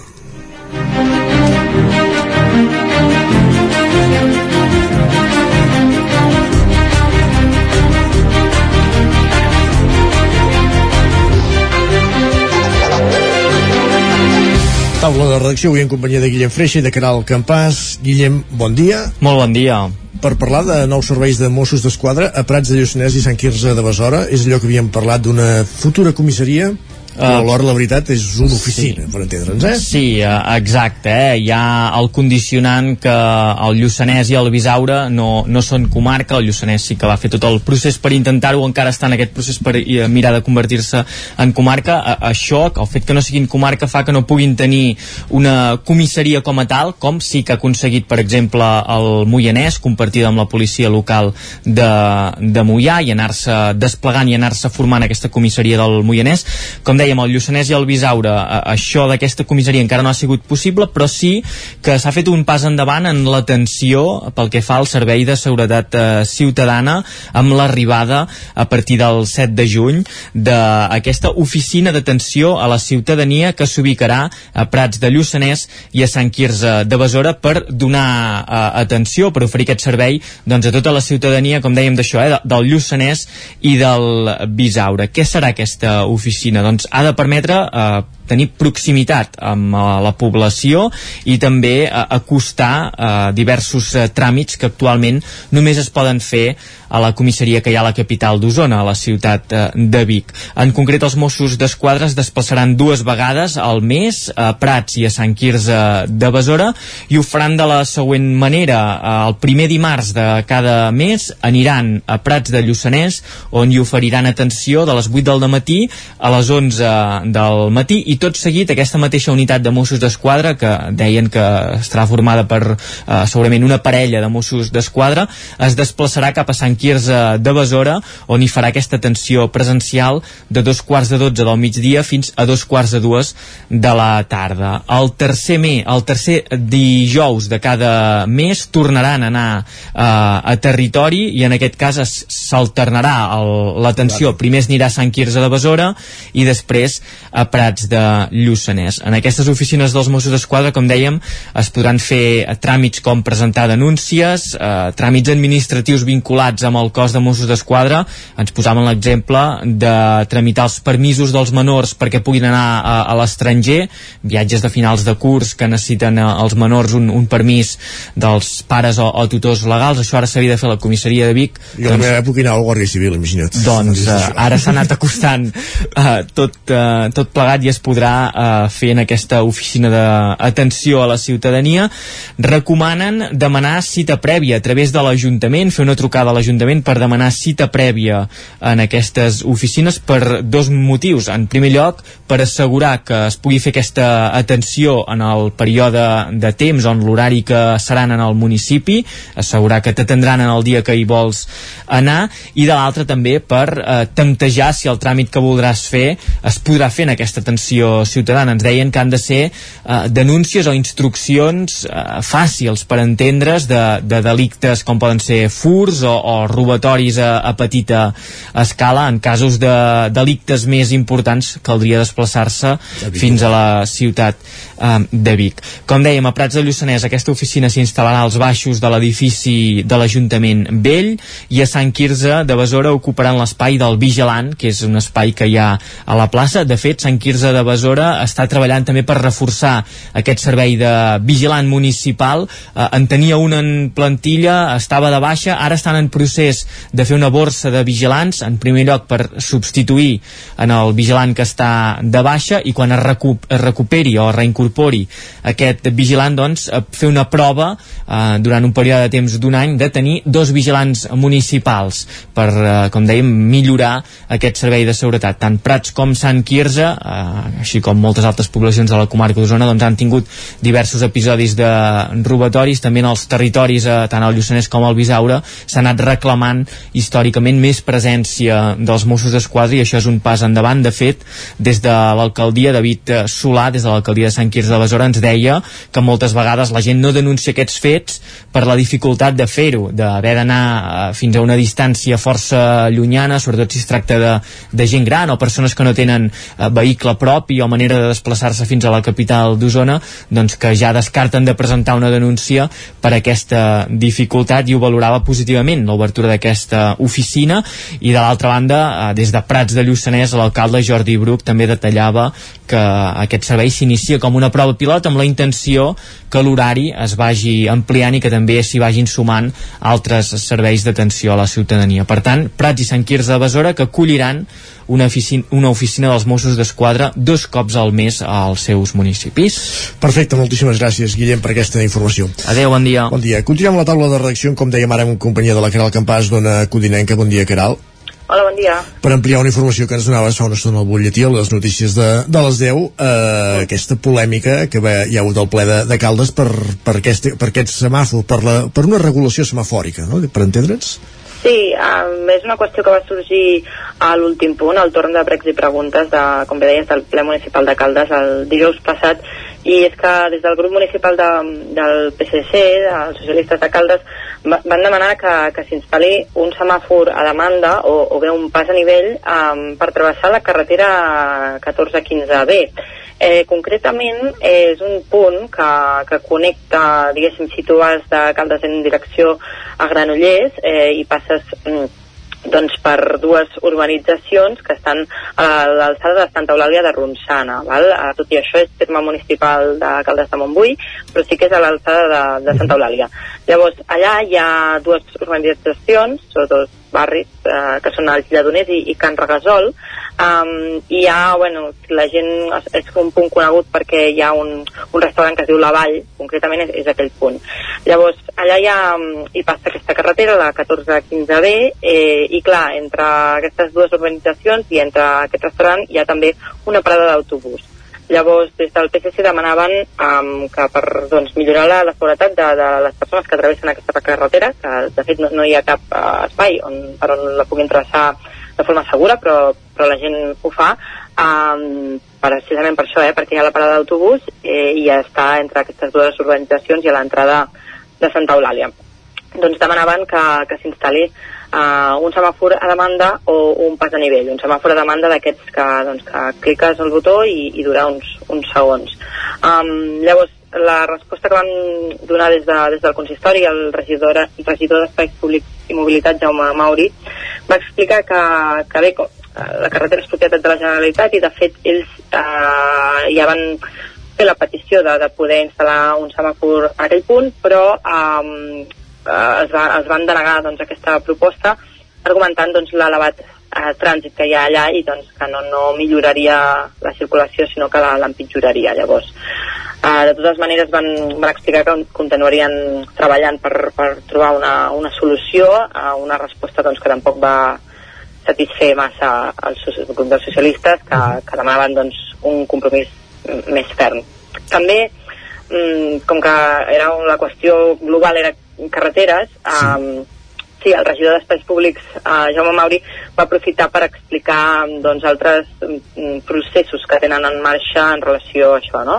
Uh, un d'ells és uh, la C-59, uh, concretament un accés que està entre Caldes de Montbui i Palau Solità i Plegamans, eh, i també és un accés a, a dues urbanitzacions, en aquest cas Can Valls i Torre Negrell i allà hi ha doncs um, bé, és una entrada a l'organització que, que també és perillosa també hi ha una, una parada d'autobús uh, i bé, allò és un, un desviament un desviament que en el, en el cas de la primera, en el primer escenari que us plantejava doncs no, no hi és, en aquell escenari només hi ha una carretera en dues direccions, però en aquí, aquí a la C59 sí que hi ha un accés i és, és perillós, de fet hi ha hagut diversos accidents eh, reiteradament i és on els veïns de, de Can Valls i Torrenamell doncs, han organitzat talls de, de carretera les darreres setmanes. Llavors el regidor va explicar que estan treballant, tampoc va concretar massa, però que estan treballant per intentar trobar alguna solució en aquest punt. I també va parlar sobre um, la carretera uh, 1413, en aquest cas és la que connecta Caldes amb Sant Manat i, i travessa tot el poble uh, pel carrer Oms, perquè allà doncs, hi passen molts camions eh, que travessen la població i també és mm, una demanda històrica del municipi trobar alguna solució a, a aquest punt. Doncs aspectes de mobilitat i seguretat tractats al ple de Caldes. Gràcies, Caral, per portar-ho a l'antena. Gràcies a vosaltres. Fins després. Bon dia. Continuem al territori 17, acabem la taula de redacció, moment d'entrar a la secció setmanal de Medi Ambient i Meteorologia.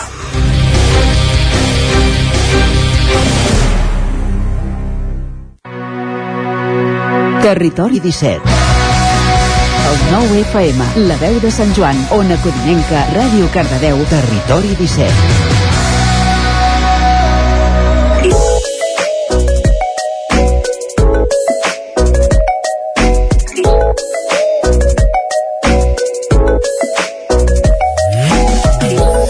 Doncs ja sabeu, un cop a la setmana tractem aspectes relacionats amb la natura, amb el medi ambient, amb la meteorologia, amb la meteorologia un cop al mes, perquè és el dia que ens acompanya en Manel Dot, de la xarxa d'observadors meteorològics de la comarca d'Osona, ell és observador de, de Vic, i avui, i el que fem amb Manel un cop al mes és repassar el mes que deixem enrere meteorològicament parlant. Avui és 31 de maig, meteorològicament pot donar el que pot donar aquest dia, però sí que el que farem és fer una retrospectiva al que ha estat un mes. Manel, bon dia. Hola, bon dia que no sé si podem dir marcat per les altes temperatures de rècord en aquell cap de setmana de fa 15 dies que, que tothom recorda i que llavors va comportar algun, algun dia de, de, de xàfecs i tempestes la setmana següent Posem-hi dades, posem-hi xifres a, a tot plegat, a com ha estat aquest mes de, de maig. Bé, com ha estat, doncs, eh, no ha estat propi d'un mes de maig, això ho tenim molt clar. Eh, el mes de maig diuen que cada dia un raig, i aquest any d'això res de res, perquè va caure quatre, bueno, un parell de ruixats al principi del mes, sí. eh, i la resta, pràcticament tot va caure el dia 24. Exacte. Eh, 24 I hores. el que va caure aquell dia, sí. Sí, sí. Uh, bueno, molt ben caiguda, eh, que ens esperàvem, quan, quan hi ha aquestes calorades tan fortes, eh, el que fa pensa que estem ficats dins d'una cassola i, i aquí se, tant se'ns refreda molt a l'hivern com s'escalfa molt a l'estiu i al moment que venen aquestes nuvolades que solen, sol ser per aire fred que entra en alçada i venen, solen venir del, sobretot del cantó de, del Pens i entren cap en aquí doncs el que troben aquesta escalfor el que fan és reactivar-se els núvols i créixer més de pressa i, i pod- poden donar unes pedregades no? hi ha hagut pedregades doncs bueno, mes de maig no tantes, però eh, hi ha hagut pedregades històriques, com el de l'any 1960, aquí Vic, que no va deixar res, pràcticament va trinxar tot el que és el centre, i és degut a, a aquestes coses, no? Eh, en aquest cas va ser per Santana. Però pel mes de maig sol ser més allò que dèiem de cada dia un raig. Aquest mes, doncs la primera quinzena ja va ser, a part d'aquests quatre ruixats que van fer als principis de mes, doncs la resta va ser força seca, bueno, seca, que va caure una gota, i fins al dia 14 encara les temperatures es van mantenir doncs, força, força, força suaus i, i força el que tocaria el que, el que no estava bé era la, la poca pluja que ens havia caigut. Eh, i fins i tot bueno, la climàtica per exemple aquí a Vic a Vic i, i el centre nostre doncs és el centre de la comarca sol ser de 84 litres el mes de maig. Eh, portàvem 20, 15, 20 eh, 30 litres fins al dia 24 Dir que, dir que misèria. Uh, a partir del 24 sí, a partir del 24 es va obrir el cel i, i tot i així el que dèiem, la pluja va ser molt ben caiguda sí. vull dir, no va fer mal i va repartir bé. Bé, va repartir bastant bé perquè el que és, eh, per exemple si fem una repassada de dades eh, a Ciuret, per exemple, van caure 73,7 litres eh, amb aquestes 24 hores eh, a Vidrà 63,2 eh, a la banda de l'Esquirol 54 tot el que és el Cantoni de Gros i aquí també van passar dels 60 eh, 48,7 aquí Vic o sigui que amb 48,7 i els 8, 9, 10 que havien caigut per pràcticament ja ets a la mitjana. vam estar quasi a la mitjana, sí. Uh -huh. uh, sí, total, a la mitjana tal com deia era de 84 i vam el total aquí a Vic em sembla que hem fet 78 litres uh, Cantoni Gros 53,2 en fi, vull dir que va repartir bé però excepte cap a la banda sud no sé què carai passa entre el cantó de Centelles uh, i quasi arribant a Viladrau eh, que la part aquesta és molt seca eh, va caure 28 litres vull dir, no va caure, va caure poca cosa Mira que Viladrau sempre és dels llocs on, on més plou. pràcticament. Sí, bueno, estic parlant de Centelles. Sí, sí. Eh, Viladrau, no tinc ara apuntat les dades de Viladrau, va fer una mica més, però a banda, el que és a banda de Centelles, Hostalets de Balanyà, cap al cantó de, de com se'n diu, de Moianès, sí. doncs no va fer-ho massa en aquesta zona. Eh, els litres principals, tal com deia, bueno, ja els he passat, i el que fa a partir del 14 doncs temperatures amunt, màximes de 30 graus i, i bueno, ja per descomptat quan vàrem arribar eh, els últims, bueno, quin dia era, me'n recordo exactament quin dia era eh, 34, 35, 36 fins arribar en algun punt fins arribar als 37 graus Si, els, si les tempestes les, les, has situat al 24, se l'has dit? Sí, per tant, eh, fins al cinc dies més 22, amunt. fins al Sí. 22 va ser. Sí, sí. El, va, llavors, aquell diumenge, el dilluns van baixar temperatures i el Mhm. dimarts va haver-hi el xàfec, sí, sí. Uh, temperatures de rècord, per això, eh? Temperatures de rècord arreu uh, per exemple, a Fabre ara parlem ja del cantó de Barcelonès de, de més de 100 anys de dades van fer rècord també.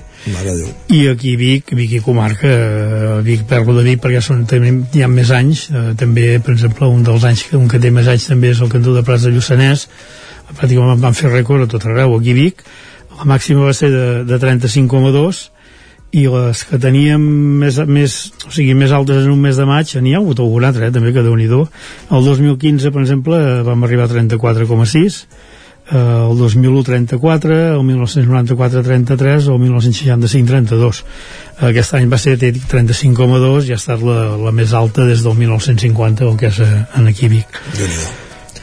Uh, temperatures de, de rècord uh, sempre en aquells dies recordo quan anàvem repassant el temps cada dia ho dèiem sort que no ens ha enganxat en ple mes de juliol o agost perquè això hagués estat infernal llavors ja no? Uh, sí, però a veure, espera't, no sé què passarà. També és cert. Portem una ratxa i espero que, bueno, de moment els primers 15 dies del juny, després farem una mica de pronòstic, eh, no pinten pas massa bé.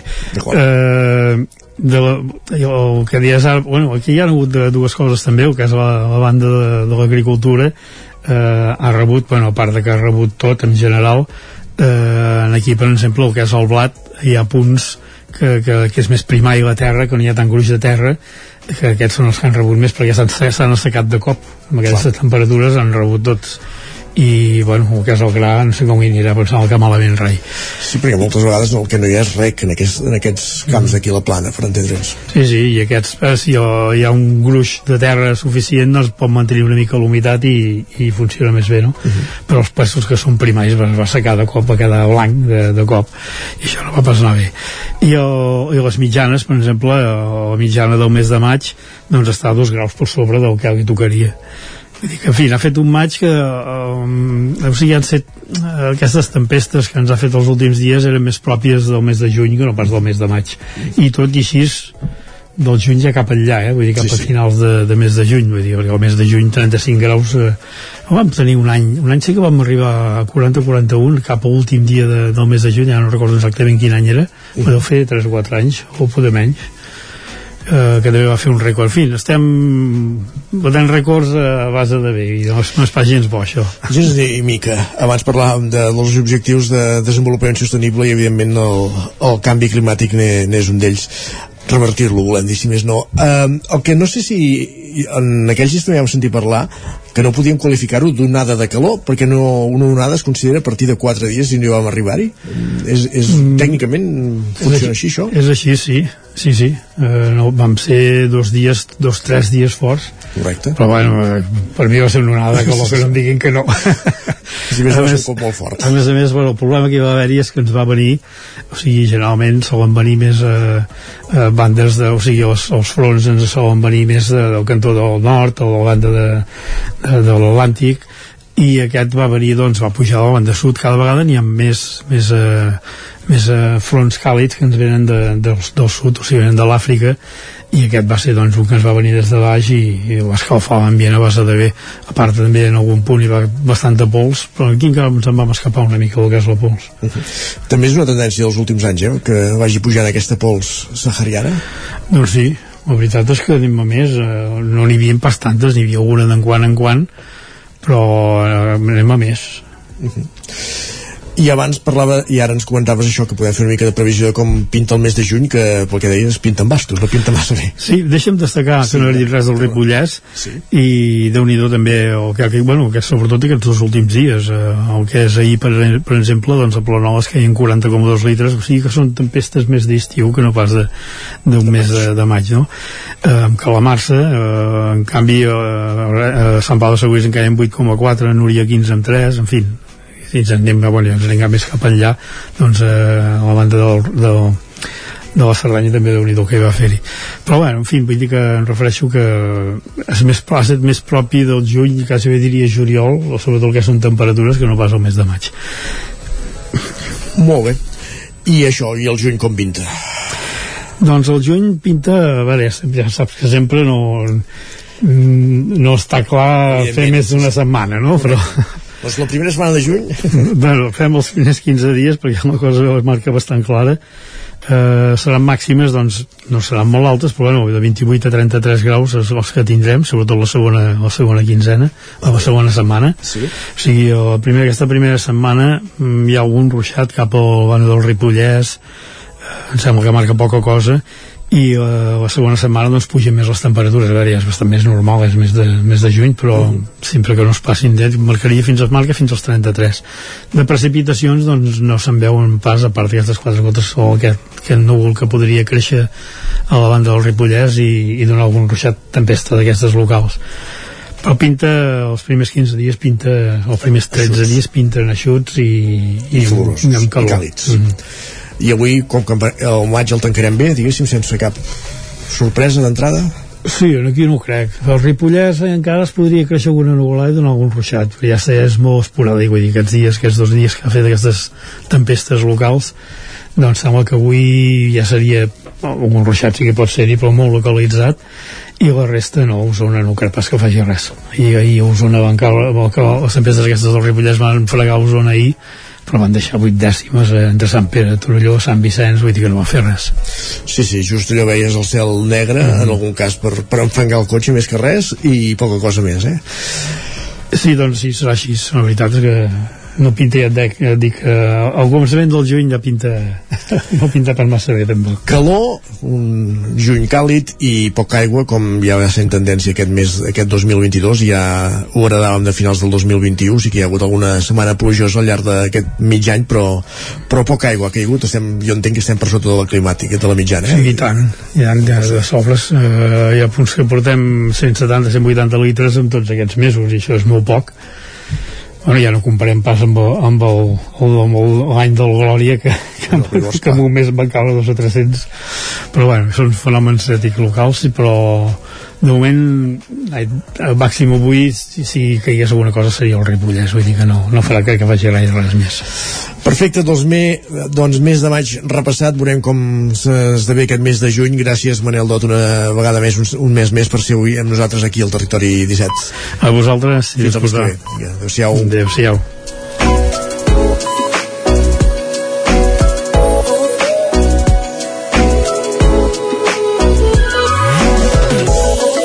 El que fem tot seguit al Territori 17, ara que són ja les 11 del matí, és posar-nos al dia i actualitzar-nos amb les notícies més destacades de casa nostra. Territori 17, amb Isaac Moreno i Jordi Sunyer.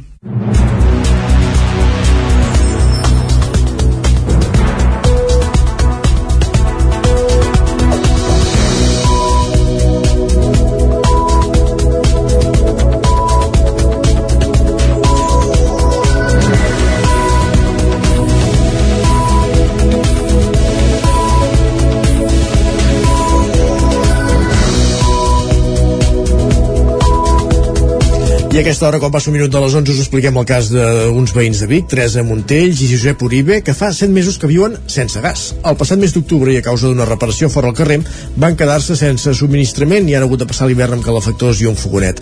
Han decidit ara denunciar públicament el cas i el cost emocional i professional que els està comportant aquesta situació. Teresa Montells i Josep Uribe viuen al número 3 del carrer de la Fusina de Vic i la setmana passada van decidir denunciar públicament un mal son que va començar ara fa 7 mesos, quan el que havien de ser unes obres senzilles per reforçar la façana de l'immoble on viuen els va deixar sense gas. El paleta que feia les obres va fer un forat i per error va foradar un tub de gas a l'interior de casa seva i des de llavors viuen sense subministrament malament. Segons explica la parella, basant-se en el que han parlat amb les empreses Netgia i Naturgy, la reparació no hauria d'anar al seu càrrec. A l'altra cara de la moneda, però, l'empresa subcontractada per la distribuïdora, OSC, els hi demana 1.000 euros. Escoltem a Teresa Montells. Ens demanen que paguem un import de 1.029 cèntims d'euro i que en el moment que ho paguem tindrem el gas. Però, és clar, eh, en, en, nosaltres, al haver passat tot això, vam dir, val, d'acord, ens van enviar el, el llauner fet venir per al paleta, ens va enviar un pressupost per WhatsApp que posava 1.029 cèntims d'euro, que si ho ingressàvem amb un, amb un número de compte d'allà que es veu que pertanyia a Tona, doncs que que tindríem el gas en mitja hora. Netge va contactar, no sé per quin motiu, amb nosaltres i ens va dir que no havíem de pagar.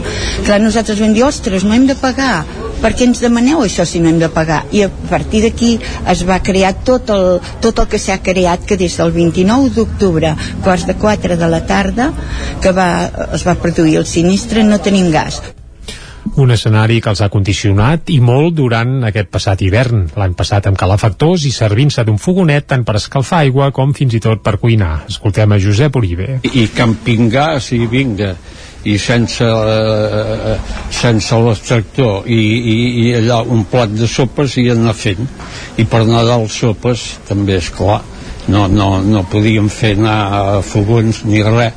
I després amb un, amb un fogonet elèctric bueno, amb un estri elèctric petit que és on ho fem tot. I, i per dutxar-se i això doncs bueno Consultada per al 9-9, l'empresa OSC defensa la seva posició i ratifica que hi ha pendent un cobrament de 1.000 euros.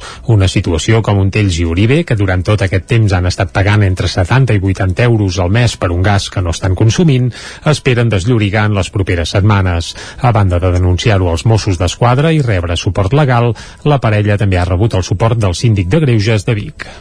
Les direccions i comandaments del Consorci Hospitalari de Vic i professionals de la salut es van concentrar ahir davant l'Hospital Universitari de Vic en suport a les persones, els càrrecs públics que han liderat la campanya de vacunació a Catalunya.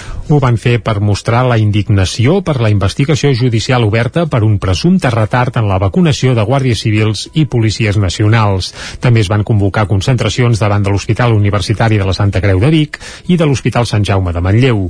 Durant la concentració a l'Hospital Universitari de Vic es va llegir el manifest del Consell Assessor de la Covid-19 a Catalunya, al qual el Consorci Usonenc s'ha sumat. Escoltem a Rosa Maria Morral, que és la directora assistencial del Consorci Hospitalari de Vic, llegint una part del manifest. La priorització dels grups a vacunar es va realitzar segons els criteris ètics i d'evidència científica, començant per les persones més vulnerables i per aquelles amb un major risc d'exposició i de transmissió, personal sanitari i sociosanitari, seguides dels col·lectius amb una funció essencial per a la societat. A Catalunya s'han administrat a dia d'avui més de 14 milions de dosis de vacunes contra la Covid-19 en una campanya sense precedents i logísticament molt complexa. La campanya ha requerit l'esforç de milers de persones i ha posat de manifest la confiança de la ciutadania en els professionals de la salut i la solidaritat de cadascú de nosaltres envers la societat.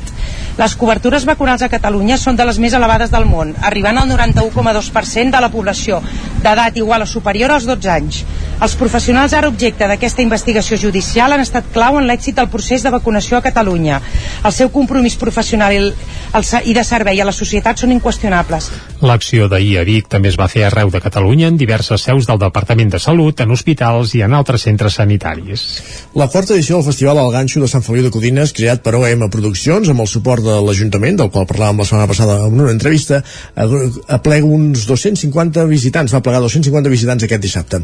Caral Campàs, Ona Codinenca. Els carrers de Sant Feliu de Codines s'han omplert durant aquest dissabte de mostres de teatre, música i circ. Emma Bassas, de l'organització del Ganxo, explicava que després de dos anys en pandèmia tenien moltes ganes de poder fer una nova edició d'aquest festival d'arts escèniques a l'aire lliure. Ah, estem molt contentes, eh? A la tarda va ser un èxit, el, la veritat. Al matí va costar una mica més, tot i que hi havia públic, eh? I va estar molt bé, però també va feia molta calor, va ser un dia molt calorós. Els festivals de teatre de carrer el que tenen, que tens calor, tens fred. Bassas afegia que de cara a la cinquena edició tindran en compte altres espais més arreserats per ubicar-hi la zona de food trucks. Al migdia l'espai de menjar i, i food truck va costar una mica perquè és que feia molta calor mm. i llavors, bueno, també aprenem nosaltres no? I, i pensem que potser bus podem buscar espais on intentarem buscar espais on puguem trobar pues, un espai més d'ombra per si per si torna a fer aquestes calors al maig, no? Alhora, des del ganxo feien una crida a la participació, considerant que és un festival que hauria d'arribar a més gent. Tot superbé, sí, sí, sí, totes les actuacions van anar rodades a l'hora, i la gent s'ho va passar molt bé, el feedback de, de després és tothom, no deixeu de fer el ganxo però sí que a nosaltres, clar, ens agradaria doncs, que, que, que la gent aprofités més ja que tenen aquest, aquest festival tenen i, i va venir gent de fora, eh, però ja no tant la gent de fora, sinó la gent mateixa de Sant Feliu, que tenen aquí un festivalaco que, que l'aprofitin més, aquesta és una mica la crida. Però bueno, a part d'això, supercontentes, la veritat. Aquest any, des del Ganxó, han apostat per programar propostes que enganxessin tant al públic més familiar com als adolescents. La quarta edició ha aconseguit acostar als codinencs i a visitants de pobles més propers diversos racons amagats del poble. De fet, el Ganxo, gràcies que Caral, competia dissabte amb altres festivals, amb altres certàmens, com el Festus de Torelló, que tanca la seva, la seva 25a edició amb èxit de públic i una vintena de propostes d'arts al carrer. Aquest any el festival ha tornat a la total normalitat i s'han pogut veure espectacles musicals de teatre, de dansa o de circ. El Festus va omplir aquest cap de setmana als carrers de Torelló amb una vintena de propostes artístiques. Amb èxit de públic, el festival celebrava enguany, a més a més, el seu 25è aniversari.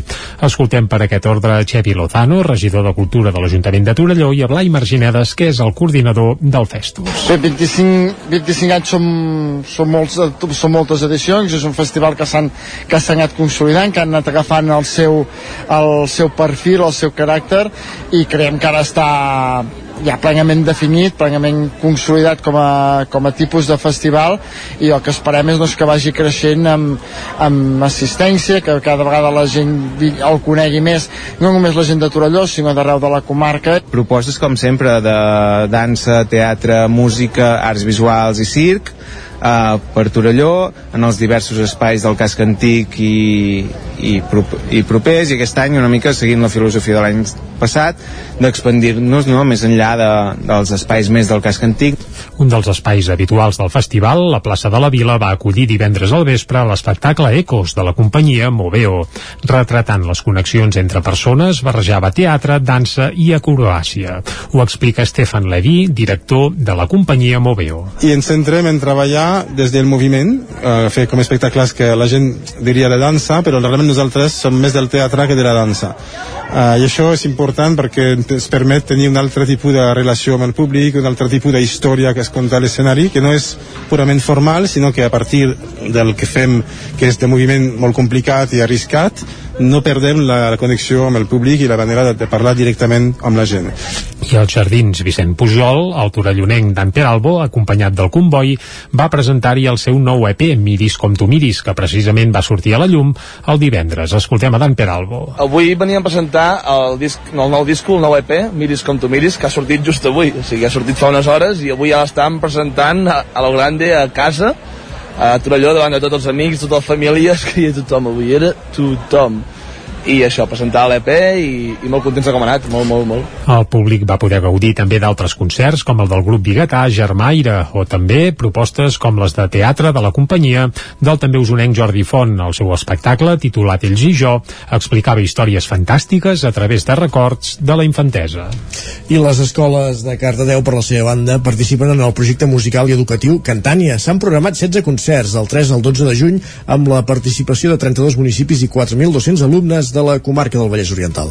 Núria Lázaro, Ràdio Televisió Cardedeu. Cardedeu és un dels 32 municipis de la comarca que participa aquest any en el projecte musical i educatiu Cantània, impulsat per l'Auditori de Barcelona i organitzat pel Teatre Auditori de Granollers i l'Associació Cultural de Granollers i participaran 97 escoles amb 4.200 alumnes del cicle superior d'educació primària del Vallès Oriental.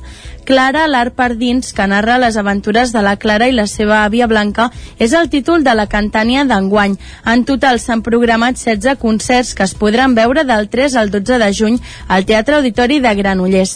Cardedeu hi serà representat dissabte 4 de juny amb l'Escola Camp Manent i diumenge 5 de juny amb l'Escola Germans Corbella a dos quarts de 12 del matí. Diumenge 5 a les 8 de la tarda amb l'Escola Ramon Massip Dolors Graners i diumenge 12 de juny a dos quarts de 5 de la tarda amb l'Escola Milenari. La Cantània és un projecte musical que se celebra a Barcelona des de l'any 1991, primer des de l'Institut Municipal d'Educació i més tard des de l'Auditori de Barcelona. Des de l'any 2001 el Teatre Auditori de Granollers i l'Associació Cultural de Granollers organitzen la Cantània a la comarca del Vallès Oriental. Més tard s'hi van afegir ciutats com Vilafranca del Penedès, Mataró, Olot, Vic, el Vendrell, Reus i Manresa. Els objectius del projecte són contribuir en la formació permanent dels especialistes de música i millorar l'educació musical dels alumnes que hi participen, mitjançant una vivència en directe i compartida amb nois i noies d'altres escoles de la comarca. Gràcies, Núria. Continuem una exposició sobre salut mental i una fotografia del 3 d'octubre de fa 5 anys són les protagonistes fins al 18 de juny de l'ACVIC. L'exposició sobre salut mental consta d'il·lustracions en blanc i negre de Xevi Domínguez i la fotografia és de Toni Anguera. L'ACVIC acull dues exposicions que aborden respectivament la salut mental i els fets vinculats a l'1 d'octubre de fa 5 anys. La primera, titulada Manicomio Inèdit, recull il·lustracions de Xevi Domínguez fetes amb tinta xinesa. Són part de Manicomio, un còmic que explica la història de Montse Batalla, la guionista. Ho explica tot plegat Xevi Domínguez. Explica la seva experiència durant un, un ingrés que, que va tenir a, a Barcelona, al clínic, en una unitat psiquiàtrica durant tres setmanes o més. Eh, ella volia denunciar uns mals, no maltractes però unes males praxis eh, d'infermers infermeres eh, errors de diagnosis eh, bueno, la importància de, de tenir un, un, un bon tracte amb, amb un tema tan delicat com és una malaltia mental. D'altra banda, el fotògraf Toni Anguera, que per cert serà el proper homenatjat a la marxa dels bigatans, il·lustra una fotografia de la plaça Major de Vic durant precisament la manifestació del 3 d'octubre de 2017. Escoltem a Toni Anguera. Una foto que eh, es va fer el 3 d'octubre, una diada doncs que bueno, tot Catalunya commemorava una, una, una pallissa, no? Podríem dir. Aquí no hi ha gaires banderes, no hi ha gaires estelades. En tinc que hi ha moltes estelades.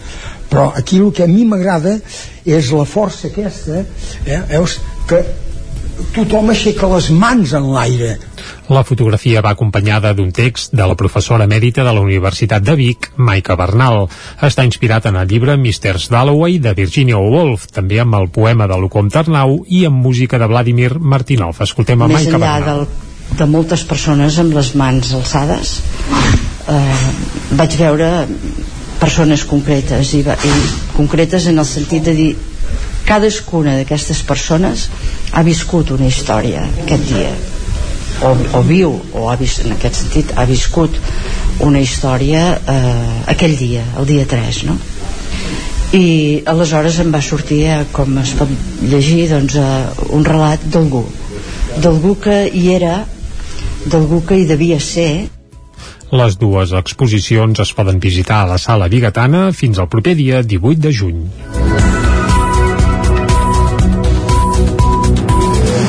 Doncs amb les exposicions a l'AC Vic, aquest centre d'arts contemporànies de Vic, arribem al final d'aquest bloc informatiu que començàvem a les 11 en companyia d'Isaac Muntada, Jordi Sunyer, del Campàs i Núria Lázaro.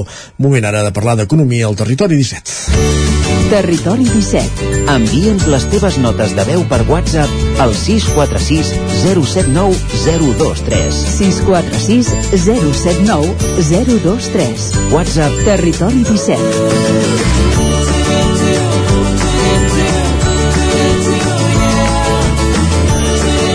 Territori 17. Som a Facebook, Twitter i Instagram amb l'usuari Territori 17.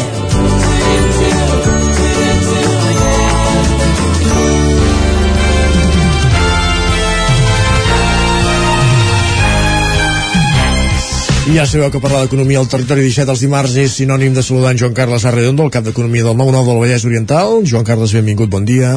Bon dia. I avui per parlar d'habitatge, d'un mercat de l'habitatge que tothom parla de bonança els darrers mesos, el darrer any, i aquí ja comença a especular que podem estar parlant al límit d'una nova bombolla. Ja, ja gat escaldat eh, de l'aigua teva, tèbia bull, eh? Quan, quan comences a veure xifres similars a les del 2007, un, com a mínim ha de parar les antenes. Això vol dir que no vam escarmentar, vols dir? Eh, jo tinc la sensació que la memòria és curta sí. És, estem en uns temps de curtterminisme i la memòria queda una mica... Ja explicarem, eh? Tampoc hi ha indicadors ara mateix de bombolla, però, però les bombolles, eh, diguem-ne que abans d'esclatar s'inflen. Sí. I no sé si estem en el procés d'inflar-les. He estat tentat de canviar de tema, eh? Perquè Ai. ahir vaig veure, el, vaig veure les dades de, de, d'inversió i, i, em vaig escandalitzar. Normalment jo, jo intento, intento parlar des de l'escàndol, diguem-ne, sí. i sigui com sigui, només un titular respecte d'això, eh?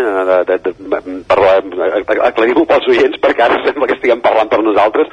Ah- Ahir van sortir les dades de- d'inversió eh, eh, executada eh, de, de Sí, sí, l'Estat. n'hem parlat a la portada, sí. Ah, exacte, doncs a Catalunya un, un terç eh, i Madrid mm, gairebé el doble.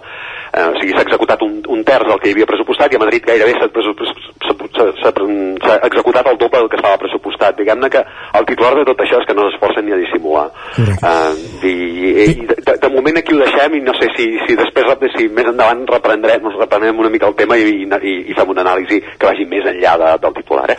Sí que és cert, abans també ho rep reproduïm un tuit eh, d'un fil que ha fet aquest matí Pere Macias, que, que en fi, que, que ho explicava, que aquí no hi ha qui s'encarregui de gestionar aquestes inversions i que llavors això fa que passi el que passi, en fi eh, parlem un altre dia, un altre moment eh, exacte, endavant, però no volia, no volia desaprofitar l'oportunitat eh, de dir alguna cosa. Eh, el tema, eh, anem, anem al tema dels habitatges. Efectivament la venda d'habitatges a Catalunya va créixer un 20% al primer trimestre de l'any. Eh, s'han venut eh, més de 25.000 i això segur que és un motiu d'enhorabona per al sector immobiliari però també una reflexió motiu, una, una invitació eh, a reflexionar per als que no viuen, els que no vivim del totxo. Eh. Eh, la xifra d'habitatges venuts entre gener i març d'aquest any és la més alta des del tercer trimestre de 2007 i això, eh, fent una mica de memòria, aquest l'últim trimestre del 2007 va ser el punt àlgid d'una bombolla que va esclatar i l'ona expansiva, diguem-ne que encara sona, per qui la vulgui sentir, encara sona, eh, l'ona expansiva d'aquell moment. Sí, sí.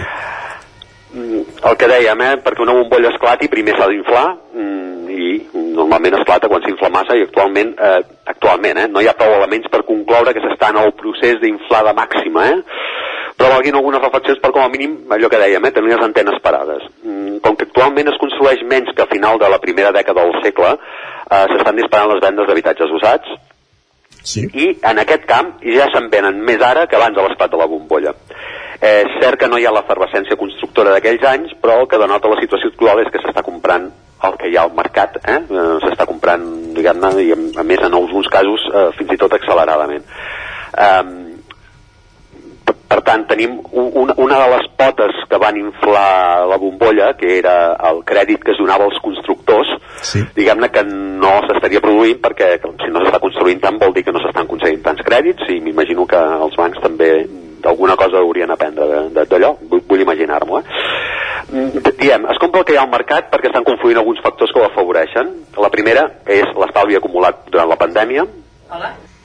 Eh, diguem-ne, la gent té, té més diners i diguem-ne que es pot decidir més i això se suma també a la volatilitat que tenen altres inversions possibles, eh, com la mateixa borsa, eh, que va pujant i baixant, també hem parlat de criptomonedes, hem parlat de moltes inversions que són menys, es poden considerar menys estables que passa és que aquí torna a planar en el debat aquesta seguretat de la inversió immobiliària, eh? aquella màxima que hi havia llavors de uh, el totxo mai perd, mai perd valor, no? Uh, però uh, aquest mite eh, de que el totxo no sí. baixa de preu digues, es va tancar el 2008 sobtadament a més quan els preus de l'habitatge van baixar doncs, de manera molt significativa de fet encara no s'han recuperat els nivells que, que hi havia llavors per tant aquest mite eh, potser sí que haurien de començar-lo a desterrar, perquè, perquè diguem que hi ha la constatació empírica eh, que, que no és que no és cert que el, que el totxo no perdi valor. Eh? Explica-li qui va comprar un pis aleshores i el vol vendre ara. Ah, exactament. Eh? Doncs, eh, l'efecte es pot, eh, que, que es pot tema de l'evolució actual és que a partir de motius diferents arribi al mateix resultat. Eh, un encariment fort dels preus. El 2007 el problema, el problema provenia d'un excés de crèdit, eh? eh? aquella alegria hipotecària dels bancs que concedien préstecs el primer que passés per l'oficina, ara potser no passaria perquè com, sí, sí. no, no I que el mateix habitatge està eh, finançat tres vegades, no? Pel constructor, eh, pel comprador i, segurament pel promotor. I, I a més a més amb, amb, amb concessions d'hipoteca per sobre dels valors dels pisos amb la certesa que allò pujaria, eh? Sí, sí. diguem eren uns diners que no existien i clar, com que no existien en el moment en què la cosa va anar maldada doncs no, no va haver-hi manera de cobrir-ho no? Eh, jo, jo vull recordar en aquells temps es donaven eh, crèdits que et permetien moblar el pis i te casaves el viatge de noces i, I el, i, el, el, el, tele, ai, el cotxe i estaves pagant tot això durant 30 anys eh? Sí, sí. Eh, pagar un viatge durant 30 anys en fi, eh, no sé com a com a com decisió econòmica com a decisió econòmica és poc encertada sí. però això ja cadascú s'ho sap i llavors en aquella època això tot, totes aquestes coses passaven llavors passava això, eh? un, excés de, un excés de crèdit, que això facilitava que la gent tingués molts calés i per tant els, els, els preus dels pisos diguem-ne eren assumibles perquè total com que et concedien la hipoteca doncs podia, podia pujar i podia cobrir-se no? El problema és, actual és que hi ha poca oferta eh? Uh, i els preus efectivament estan pujant Donarem algunes dades, eh, per ràdio no, no, no se n'haurien de donar moltes, però, però crec que per contextualitzar és important. Eh? Uh -huh. eh, a Catalunya ha pujat de l'ordre un 5% l'últim any, eh? això són dades del Col·legi de, eh, ja ho diré, agents de la propietat immobiliària. Eh, és inferior als creixements anuals del 10% que s'anaven produint durant aquells anys, eh? fins i tot més. Eh? Hi havia hagut anys que hi havia hagut increments que, que farien posar els peus a punta. Um, però, però llavors eh, allà ja teníem la bombolla, la bombolla prou inflada. Eh, la, la part positiva que dels, és que els preus actuals no arriben als que hi havia en aquell moment, eh, això que estàvem comentant. La mitjana de 2008 a Catalunya era d'uns 2.600 euros per metre quadrat i l'actual és de 2.300 euros. Ara es paga el mateix preu, ara es paga el mateix preu que el 2011. D'acord. I però és interessant remarcar una cosa, eh? Mm, és una, un, un informe que, que hem vist aquest mateix matí eh, de, del, del portal immobiliari Fotocasa. Diu que mentre els salaris eh, han crescut eh, de mitjana a Catalunya un 6,9% els últims 5 anys, l'augment del preu de l'habitatge ha estat el 21,7%. Eh? Consonància, totalment. Eh, Diguem-ne que és molt més l'esforç que ha de fer cada comprador eh, per accedir als preus que s'estan que s'estan donant ara. El preu creix, mm, però el mercat està mm, més impulsat per, per la compra que pel lloguer. Aquest també és un aspecte important, eh? La lectura habitual acostuma a ser la tendència del mercat, del català i de l'espanyol, eh? a la propietat per davant de l'arrendament, eh? Gairebé és una qüestió psicològica, eh? que diuen, aquí diuen sempre hi havia aquella màxima de compra que com a mínim tindràs alguna cosa, no? Eh, uh -huh. No, tampoc cal entrar a discutir aquesta tendència gairebé psicològica, eh? però les dades eh, també donen altres claus. Eh, seguint amb les dades del Col·legi d'Agents de la Propietat Immobiliària, eh, avalua que els habitatges per llogar han baixat de 40.000 a 20.000 en un any, eh? i hi ha la meitat d'habitatges per llogar, de, de manera que els preus com que també hi ha menys oferta, eh, també s'estan incrementant i situen les quotes que s'han de pagar mensuals en nivells fins i tot eh, per sobre el lloguer que no pas eh, la compra. Um, això en un context en el qual hi ha hagut aquesta oportunitat de fer estalvis, perquè durant la pandèmia es gastava poc, i això posa fàcil fer la reflexió que val més comprar, que, la, en aquest cas val més comprar la casa que anar a lloguer, eh? estem sí. canviant una mica la màxima. Sí, sí. Um, segons els del Col·legi d'Apis, el preu mitjà de les quotes és 6, de 638 euros, eh? les quotes per habitatges de compra, de compra eh? Uh, inferior als més, als, als més de 1.000 que s'havien arribat a pagar també de mitjana abans de l'estat de la bombolla uh, i, i el valor mig del lloguer està per sobre dels 700, dels, dels 750 euros eh? vull dir que hi ha, hi ha molta diferència l'esforç actual per pagar la quota és del 30% dels ingressos, eh? que en alguns casos el 2008 eh, havia arribat al 60%. De manera que eh, per això hi ha el, el, els, els, els agents de la propietat immobiliària, clar que han de dir, diuen que no estem en una situació de, de, de prèvia com, com, sí, sí, com la que teníem, no? És el que els toca dir, sí, tu ho has dit. Entesos. Eh, he d'anar acabant, hi havia moltes més dades, però però sí, a cas deixeu-me fer, fer una reflexió final, no? El mercat immobiliari està en plena efervescència, però els factors que, que hi estan influint són tan canviants que, per, que convé estar alerta. Els estalvis que estan facilitant el moviment vigorós actual no seran eterns, diguem-ne que la pandèmia mm, o sigui, o, o, o, o la retenció de, de, de despesa que es va derivar de la pandèmia eh, no serà eterna i per tant no hi haurà tants estalvis i mm, també els tipus d'interès mínims que ja actualment tenen els dies comptats eh? diguem-ne que el, el Banc Central Europeu va llançant diguem-ne eh, consignes de que pugen els tipus i també està passant que, eh, diguem-ne, l'Euríbor s'ha posat en positiu, és una cosa que també és important. Per tant, eh, hi ha incerteses eh, que, en l'entorn també que posen en qüestió que es mantingui durant força temps l'actual ritme de creació d'ocupació. Eh, són temps, per tant, de fer memòries i contenir certes alegries, perquè eh, convé recordar una frase de Mark Twain que la història no es repeteix, però rima. M'agrada, te la compro. De, de moment diu, no, no estem en el mateix context. Bé, doncs, és veritat, però, però alerta. Però hi anem. Gràcies, Joan Carles, un dimarts més. Gràcies a vosaltres. Bon dia. Avui hem parlat d'habitatge a l'Espai d'Economia del Territori 17. Tot seguit avancem. Fem una petita pausa per la publicitat i encarem la recta final del programa passant per l'R3 i anant cap al territori dona. Fins ara mateix. El nou FM, la ràdio de casa, al 92.8. En Santi no para de teletreballar. Per això necessites sempre la millor connexió. Si treballes fora de l'oficina, escull la millor fibra i línies mòbils amb la major cobertura 5G, com en Santi. Benvinguts a Mi Movistar. Configura-la al 1004, a movistar.es o a les botigues amb fins a un 50% de descompte els 3 primers mesos. Perquè ara Movistar arriba a Barcelona. Movistar, la teva vida millor. A El Racó de León ja és primavera. Gaudeix de la nostra terrassa. Vine a tastar les xuletilles de lechal a la brasa amb una bona amanida o el xuletón de vedella gallega. No et pots perdre el nostre lechado de Castilla al forn o el cochinillo a l'estil de Segovia. Tot acompanyat del millor celler, al menjador o fora la terrassa. Descobreix la millor cuina de Lleó sense moure't de casa. Vine amb la família, els amics, la parella o sol. T'encantarà. El racó de León, cuina tradicional lleonesa i de mercat. Som al carrer Torelló número 35 de Vic. Per reserves, telèfon 93 889 1950. El racó de León, una cuina diferent. Per Aigües Vic, disminuir l'impacte de la nostra activitat en el medi natural és una prioritat. Any rere any treballem per una transició energètica en tots els nostres processos que incrementi el compromís climàtic i garanteixi una gran eficiència. Per això seguim apostant per aconseguir una major reducció d'emissions de CO2. 5 de juny, Dia Mundial del Medi Ambient. Aigües Vic, amb tu, clars com l'aigua. Cobertes serveis funeraris. Els nostres tanatoris estan ubicats en els nuclis urbans més poblats de la comarca d'Osona per oferir un millor servei. Tanatori de Vic, Tanatori de Manlleu, Tanatori de Centelles i Tanatori de Roda de Ter. Sabem que són moments difícils i per això el nostre compromís és atendre-us en tot moment amb un tracte humà, sensible i respectuós. Cobertes serveis funeraris. Telèfon 24 hores 93 883 23 46. El Racó de León ja és primavera. Gaudeix de la nostra terrassa, vine a tastar les xuletilles de l'Echal a la brasa amb una bona amanida o el xuletón de vedella gallega. No et pots perdre el nostre lechado de Castilla al forn o el cochinillo a l'estil de Segovia. Tot acompanyat del millor celler, al menjador o fora la terrassa.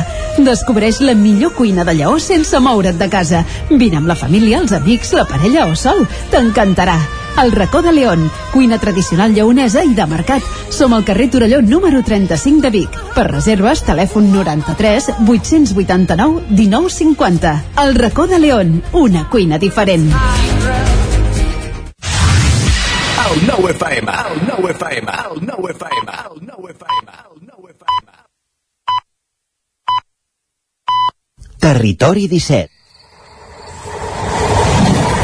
A Tren d'Alba. Cada dia els usuaris de la línia R3 de Rodalies que veuen sortir el sol des d'un vagó ens expliquen les gràcies i les penes del primer comboi que uneix Ripoll i Barcelona. Benvinguts a Tren d'Alba. Avui us porto una piulada graciosa de fa uns dies de l'usuari Roger S que deia el següent. Última hora, un tren de Rodalies arriba puntual i els usuaris no hi pugen pensant que és una trampa. És que la probabilitat que un tren de Rodalies arribi puntual és la mateixa que té un equip de guanyar contra el Madrid a la final de la Champions. Pràcticament inexistent o nula. Per si de cas, si veieu que un tren arriba puntual a l'estació, aneu després a l'oculista a fer-vos una revisió o fregueu-vos els ulls un parell de vegades. Va, us deixo amb la crònica d'en Jordi Valls d'avui.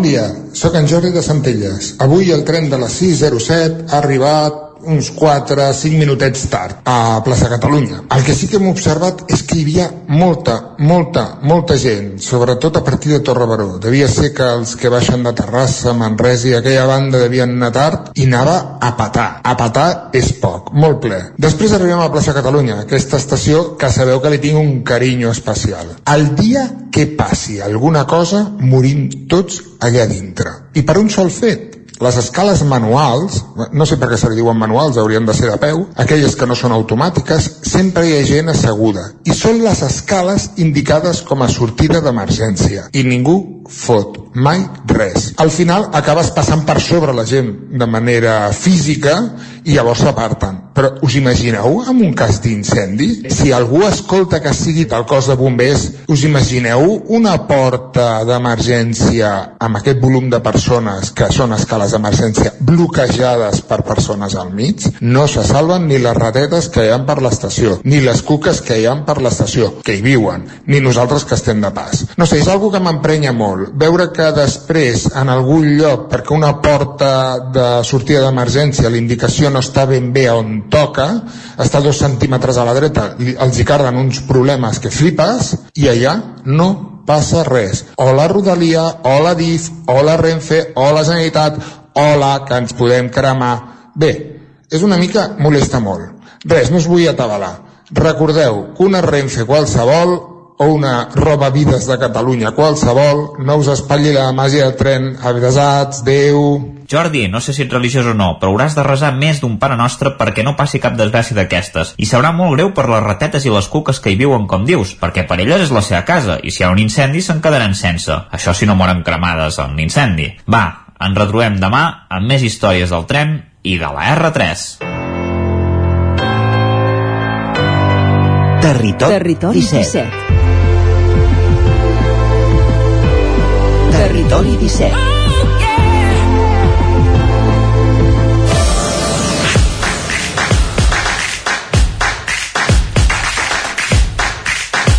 Tres minuts que passen de dos quarts de dotze, amb el so combatiu dels timbals entrem al territori dona, com cada dimarts. Maria López, Ràdio Televisió Cardeu, bon dia.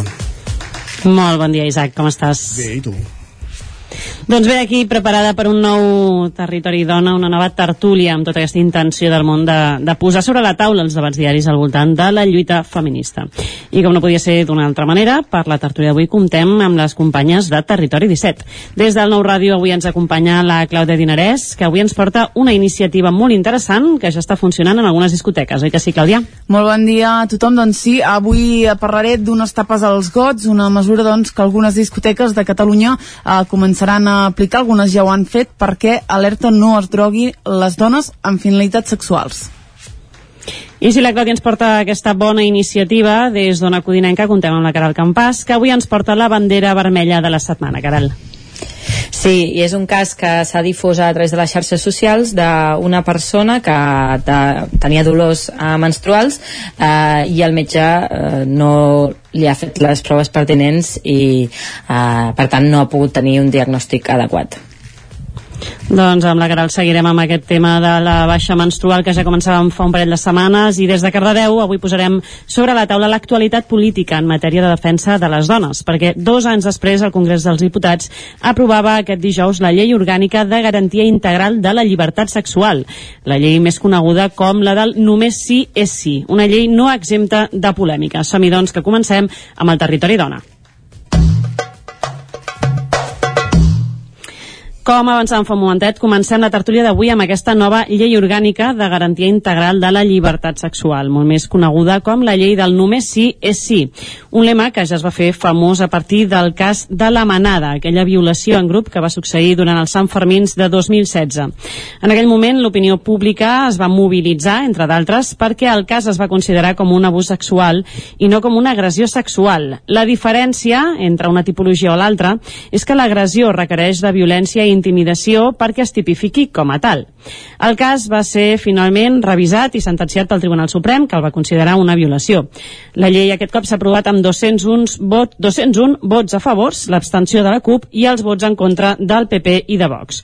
La llei de garantia integral de la llibertat sexual canvia el concepte de consentiment, que a partir d'ara, a partir de l'entrada en vigor d'aquesta llei, serà clau per jutjar els delictes sexuals. Recordem que aquesta tipificació pot suposar coses tan senzilles com estar més o menys anys a presó.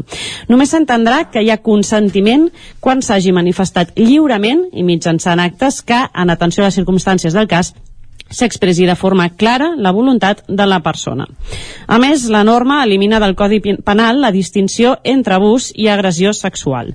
Així, les víctimes ja no hauran d'acreditar que han patit violència o que s'han resistit perquè tot acte sexual sense consentiment express serà una agressió. I aquest és principalment la causa de la polèmica, perquè ens fem una idea, la principal censura l'han fet els populars perquè consideren que la norma posa en risc la presumpció d'innocència, perquè inverteix la càrrega de la prova, on seria el denunciant qui ha de demostrar que va haver-hi consentiment. Vox ha incidit també en que això, eh, perquè el seu judici s'obliga als jutges a creure a les dones i permet que aquestes puguin mentir delinquir, conscients de que moltes vegades és impossible demostrar el consentiment. Recordem que és una polèmica molt similar la que ja es va dur a terme quan es va aprovar la llei de violència de gènere, violència masclista, on també es feia aquesta inversió de la càrrega de la prova, ja va haver-hi llavors molta polèmica. I una de les abstencions que ha suscitat també una mica de, de sorpresa, potser ha sigut la que ha vingut per part de la, de la CUP, eh, i rescatem un tuit de la Mireia Bahí que eh, deia fa uns dies avui es vota la llei del sí és sí i nosaltres ens hem abstingut per tres motius. Primer, per una falta de perspectiva antiracista. Segon, perquè consideren que es tracta d'un marc extremadament puni punitivista, o sigui, d'alguna manera es va buscar el càstig i no d'alguna manera potser tant la reinserció.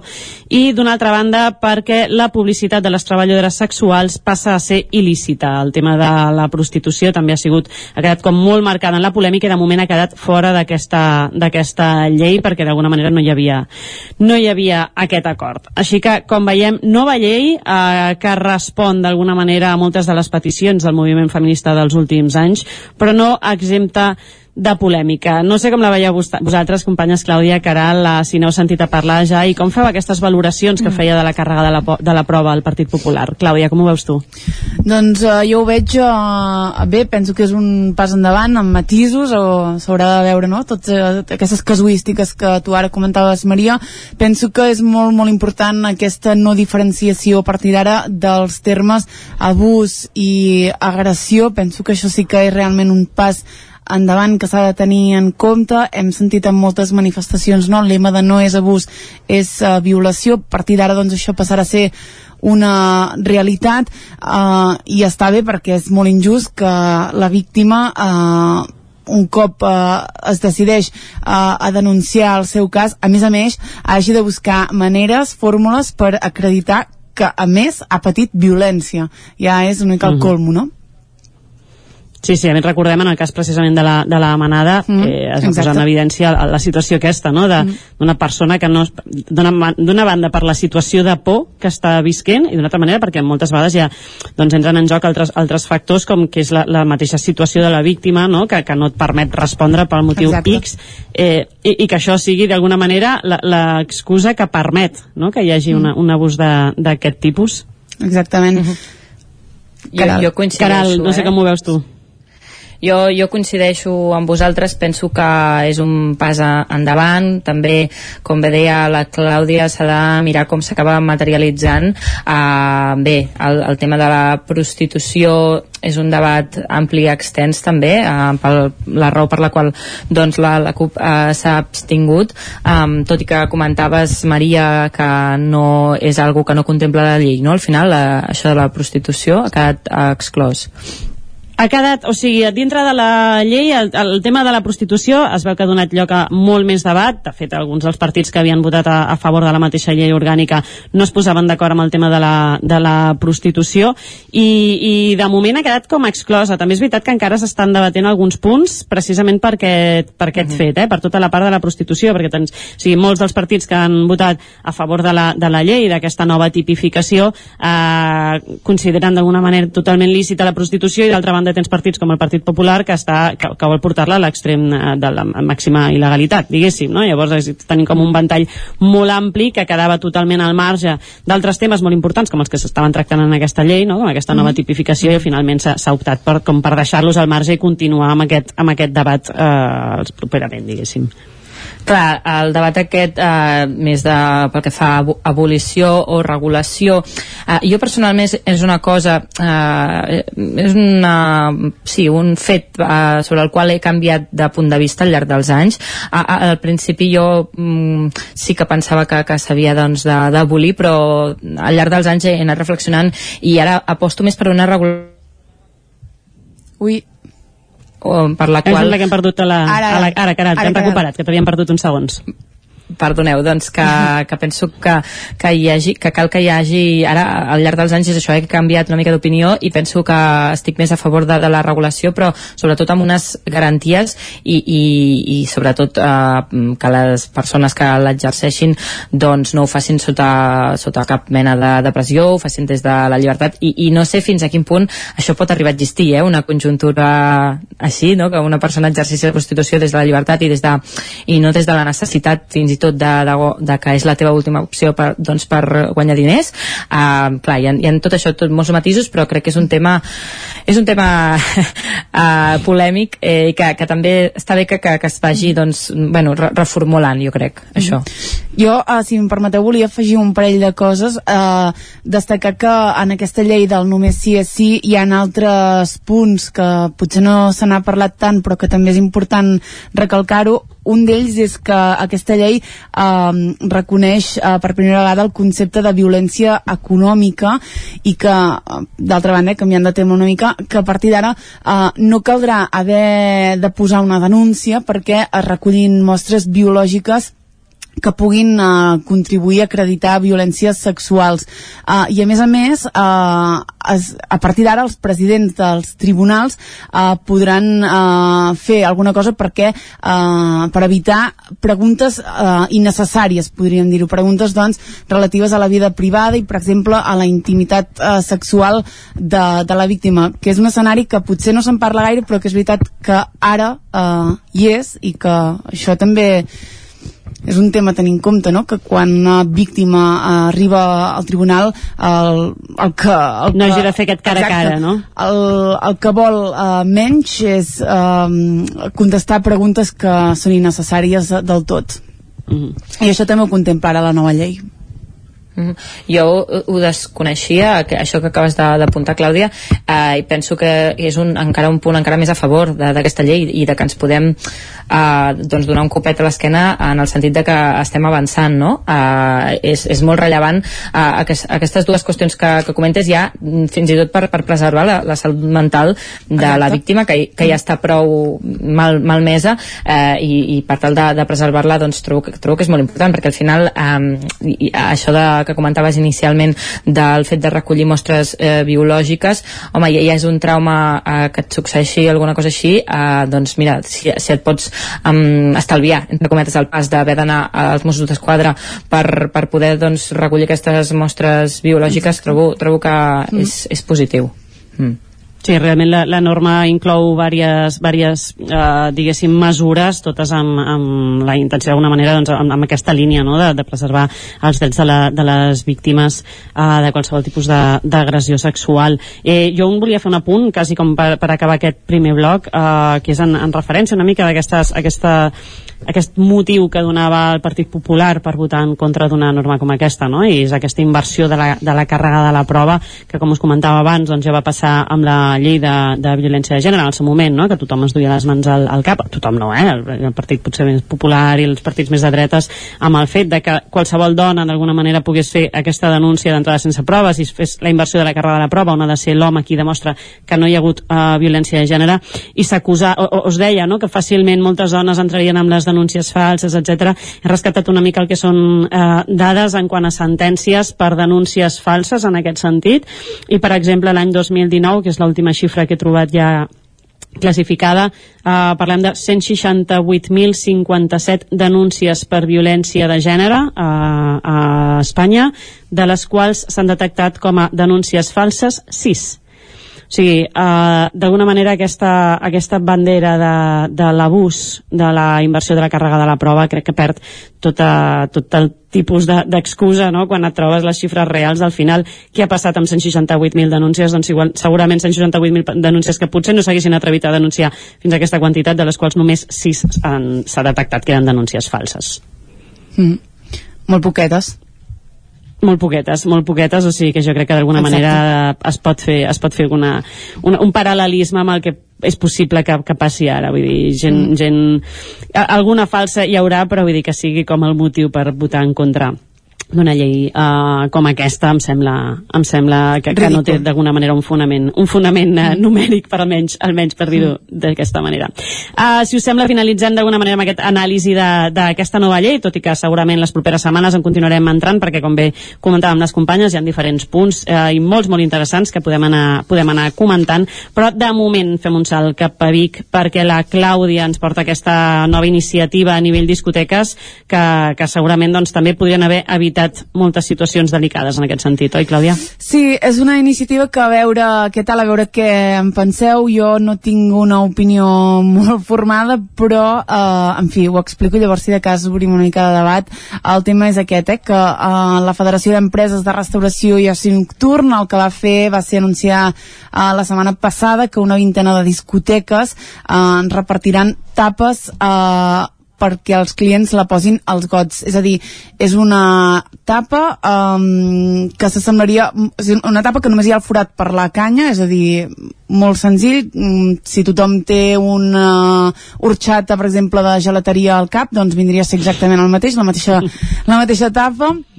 Doncs bé, això eh, és una mesura que incorporen perquè no es drogui a dones amb finalitats eh, sexuals. Eh, ho va dir Joaquim Boades, és el president de, de la federació, eh, va dir que aquesta mesura s'aplicarà a una vintena de locals de Catalunya, alguns eh, ja ho han començat a implantar. I eh, se suma a aquelles iniciatives que ja en vam parlar fa unes setmanes de no, aquells codis eh, que hi ha en, en alguns establiments de si et passa no sé quantos, demana no sé... És una cosa sí, que... no, demanaves un tipus de combinat Exacte. en funció del tipus d'ajuda que necessites, oi? Sí, en aquesta peça a la que m'estic referint parlen de uh, l'Ask for Angela, que és un altre, un altre codi d'aquests, que representa que si tu vas a la barra de l'establiment i preguntes per una tal Àngela, el personal que ja ha d'estar format, doncs sap que estàs en una situació de perills.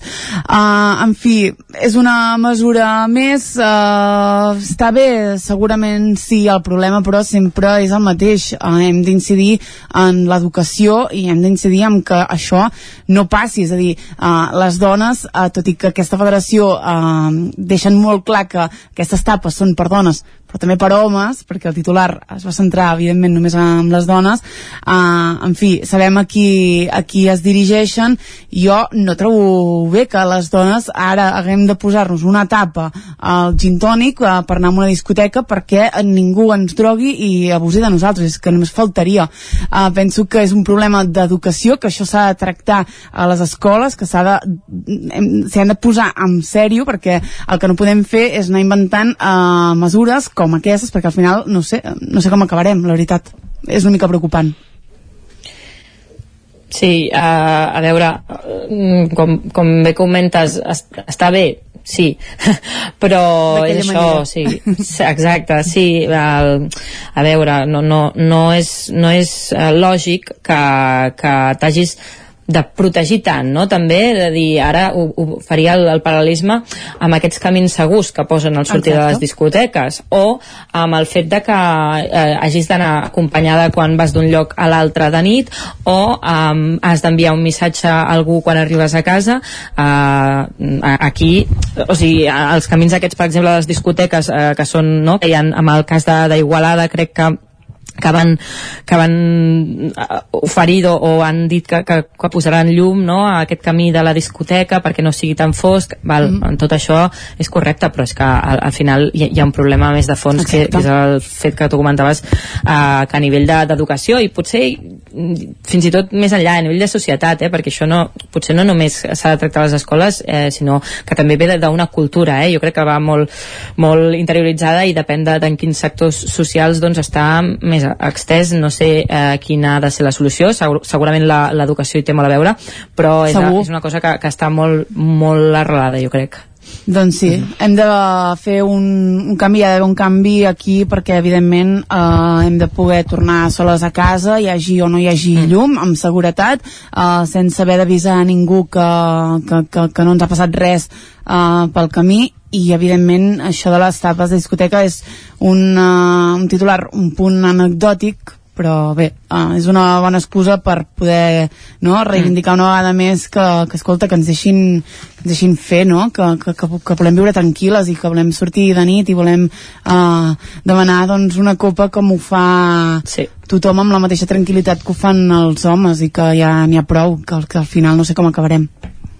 No, seguim d'alguna manera amb aquestes mesures que tot i que la intenció que hi ha darrere doncs, no deixa de ser una bona intenció, d'alguna manera doncs, de, de protecció, eh, tornem a caure amb allò, no? amb, el, amb d'alguna manera l'obligació de que no et passi res quasi teva, que t'has d'anar protegint per la vida i no, i no, de, i no de, de la gent d'alguna manera que causa aquesta situació. És que al final és, és... Però jo quina culpa en tinc de que hi hagi... Uh, mm, no sé com dir-ho, per, per, per, per, no, per no dir-ho malament, però nosaltres quina culpa en tenim de que hi hagi gent que va tirant uh, drogues a, a les dones amb finalitats sexuals? Jo quina culpa en tinc? Mm, uh -huh. Està clar que la culpa no és nostra, vull dir, la culpa no és nostra. Això està, està claríssim. No, i està clar que, que aquí hi ha un tema, ho deies ara, eh, que, que passa per l'educació. Però és que sí que és veritat que estem en una situació... Jo crec que ara estem mateix en una, en una situació una mica, una mica estranya a nivell, de, a nivell social on d'una banda tens a, a totes les, tots el, les esforços d'alguna manera des dels instituts i de, des, de, des de les escoles en matèries de coeducació, que ara fins i tot a vegades el, el, el, vas a l'institut i vas a fer una xerrada sobre feminisme, això mm. m'ho comentava un company l'altre dia, i ja està tothom una altra vegada, saps? Que hi ha una mica la sensació de que és constantment aquesta sobreinformació de la coeducació i de la igualtat, i en paral·lel, eh, amb la Caral sentim cada setmana que ens va portant l'actualitat de les xarxes i, i con constantment eh, estem rebent informació que la reben de la mateixa manera els adolescents, on, on es donen de manera normal conductes totalment masclistes. Llavors, d'alguna mm. manera, és fins a quin punt tot aquest esforç que estem fent des de les escoles i des dels instituts està caient en un sac trencat si al final, amb el dia a dia, el que es trobaran a les xarxes i en tot el que els envolta a nivell publicitat i a nivell de tot eh, és el que és, no? I no ha canviat aquesta, aquesta visió de, del masclisme. Sí, a veure, tampoc que potser, potser ens estem equivocant sent tan, tan, tan derrotistes uh, no sé, sí que hi ha avenços bé, no? sí que penso que hem començat uh, parlant d'aquesta llei de només sí és sí hem, hem dit coses bones uh, es va movent a poc a poc, la gent es va conscienciant el que passa és que jo penso que tenim una carretera recta a davant i anem avançant però eh, a vegades ens perdem per camins i, i laterals amb mesures com per exemple aquesta de les discoteques i de les tapes de gots que jo penso que mm, mm, no ho sé si hem de centrar esforços en, uh, en mesures com aquestes. És a dir, uh, potser el que hauria de passar és que no sé, el, per exemple, el, el sector de la restauració i de l'oci nocturn doncs treballés, en, en, fes un front comú de veritat, no? I que, per exemple, doncs, no sé, il·luminés uh, més això, els camins que dèiem, que evidentment n'hi ha molts que encara no estan il·luminats, no sé, que pensin coses reals que serveixin i que donin resultats. A mi, que facin taps uh, per ficar uh, les copes, bueno, no, no sé si és una cosa que, que, que, que pensi que em farà evolucionar molt a mi i, i a la societat en general però, bueno, no ho sé. No sé si és una mesura més en aquesta, en aquesta línia. més. sí, però I, penso i que hauríem de fer passos més, més decidits penso que realment hi hagi un, un canvi en profunditat, no? Més allò, més, mm. més que petits uh, parxes, per d'alguna manera. Exacte, doncs avui hem, hem començat amb aquest uh, sí és... Uh, només, no, només sí és sí, ara sí que no ho digui sí. malament. No, no, no. Hem seguit amb aquesta, amb aquesta norma eh, d'alguna manera més polèmica i acabem amb bandera vermella sí o sí, Caral, de totes totes, eh? Uh, sí, uh, això ve d'uns uh, stories d'un perfil d'Instagram que es diu Instituto YEM, Y-E-M. Um, bé, que és un perfil que ofereixen doncs, atenció reproductiva i formacions prepart i postpart, uh, desmenteixen mites, donen consells i tot enfocat a dones embarassades o que es vulguin quedar embarassades. Però el punt no té a veure massa amb això, sinó que té a veure amb la persona que porta aquest compte. Val? La persona que aquest, porta aquest compte, Institut Oiem, a, a, va fer uns stories ahir, a, que crec, no sé si encara estan disponibles, um, parlant d'una situació que havia viscut ella en primera persona, però que no té a veure amb, amb la seva empresa. Eh? Um, explicava que, que va anar al metge perquè quan té la regla li fa molt mal, quan té, li ve la menstruació doncs pateix moltíssim um, i, i, i el que li va passar va ser que, que no li van o sigui, no li van fer cap mena de plantejament de dir anem a fer unes proves, anem a mirar ben bé què és això, sinó que li van receptar anticonceptius eh, directament. Llavors, ella va, va plantejar això que li havia passat a, en aquest perfil seu eh, i va explicava, després de, de plantejar-ho, que estava al·lucinant de la quantitat de respostes que rebia, que no les podia arribar a llegir totes, de dones que, vi, que els havia passat el mateix, de que els dona, els fan la patada, entre cometes, eh, sense, sense analitzar ben bé què passa allà.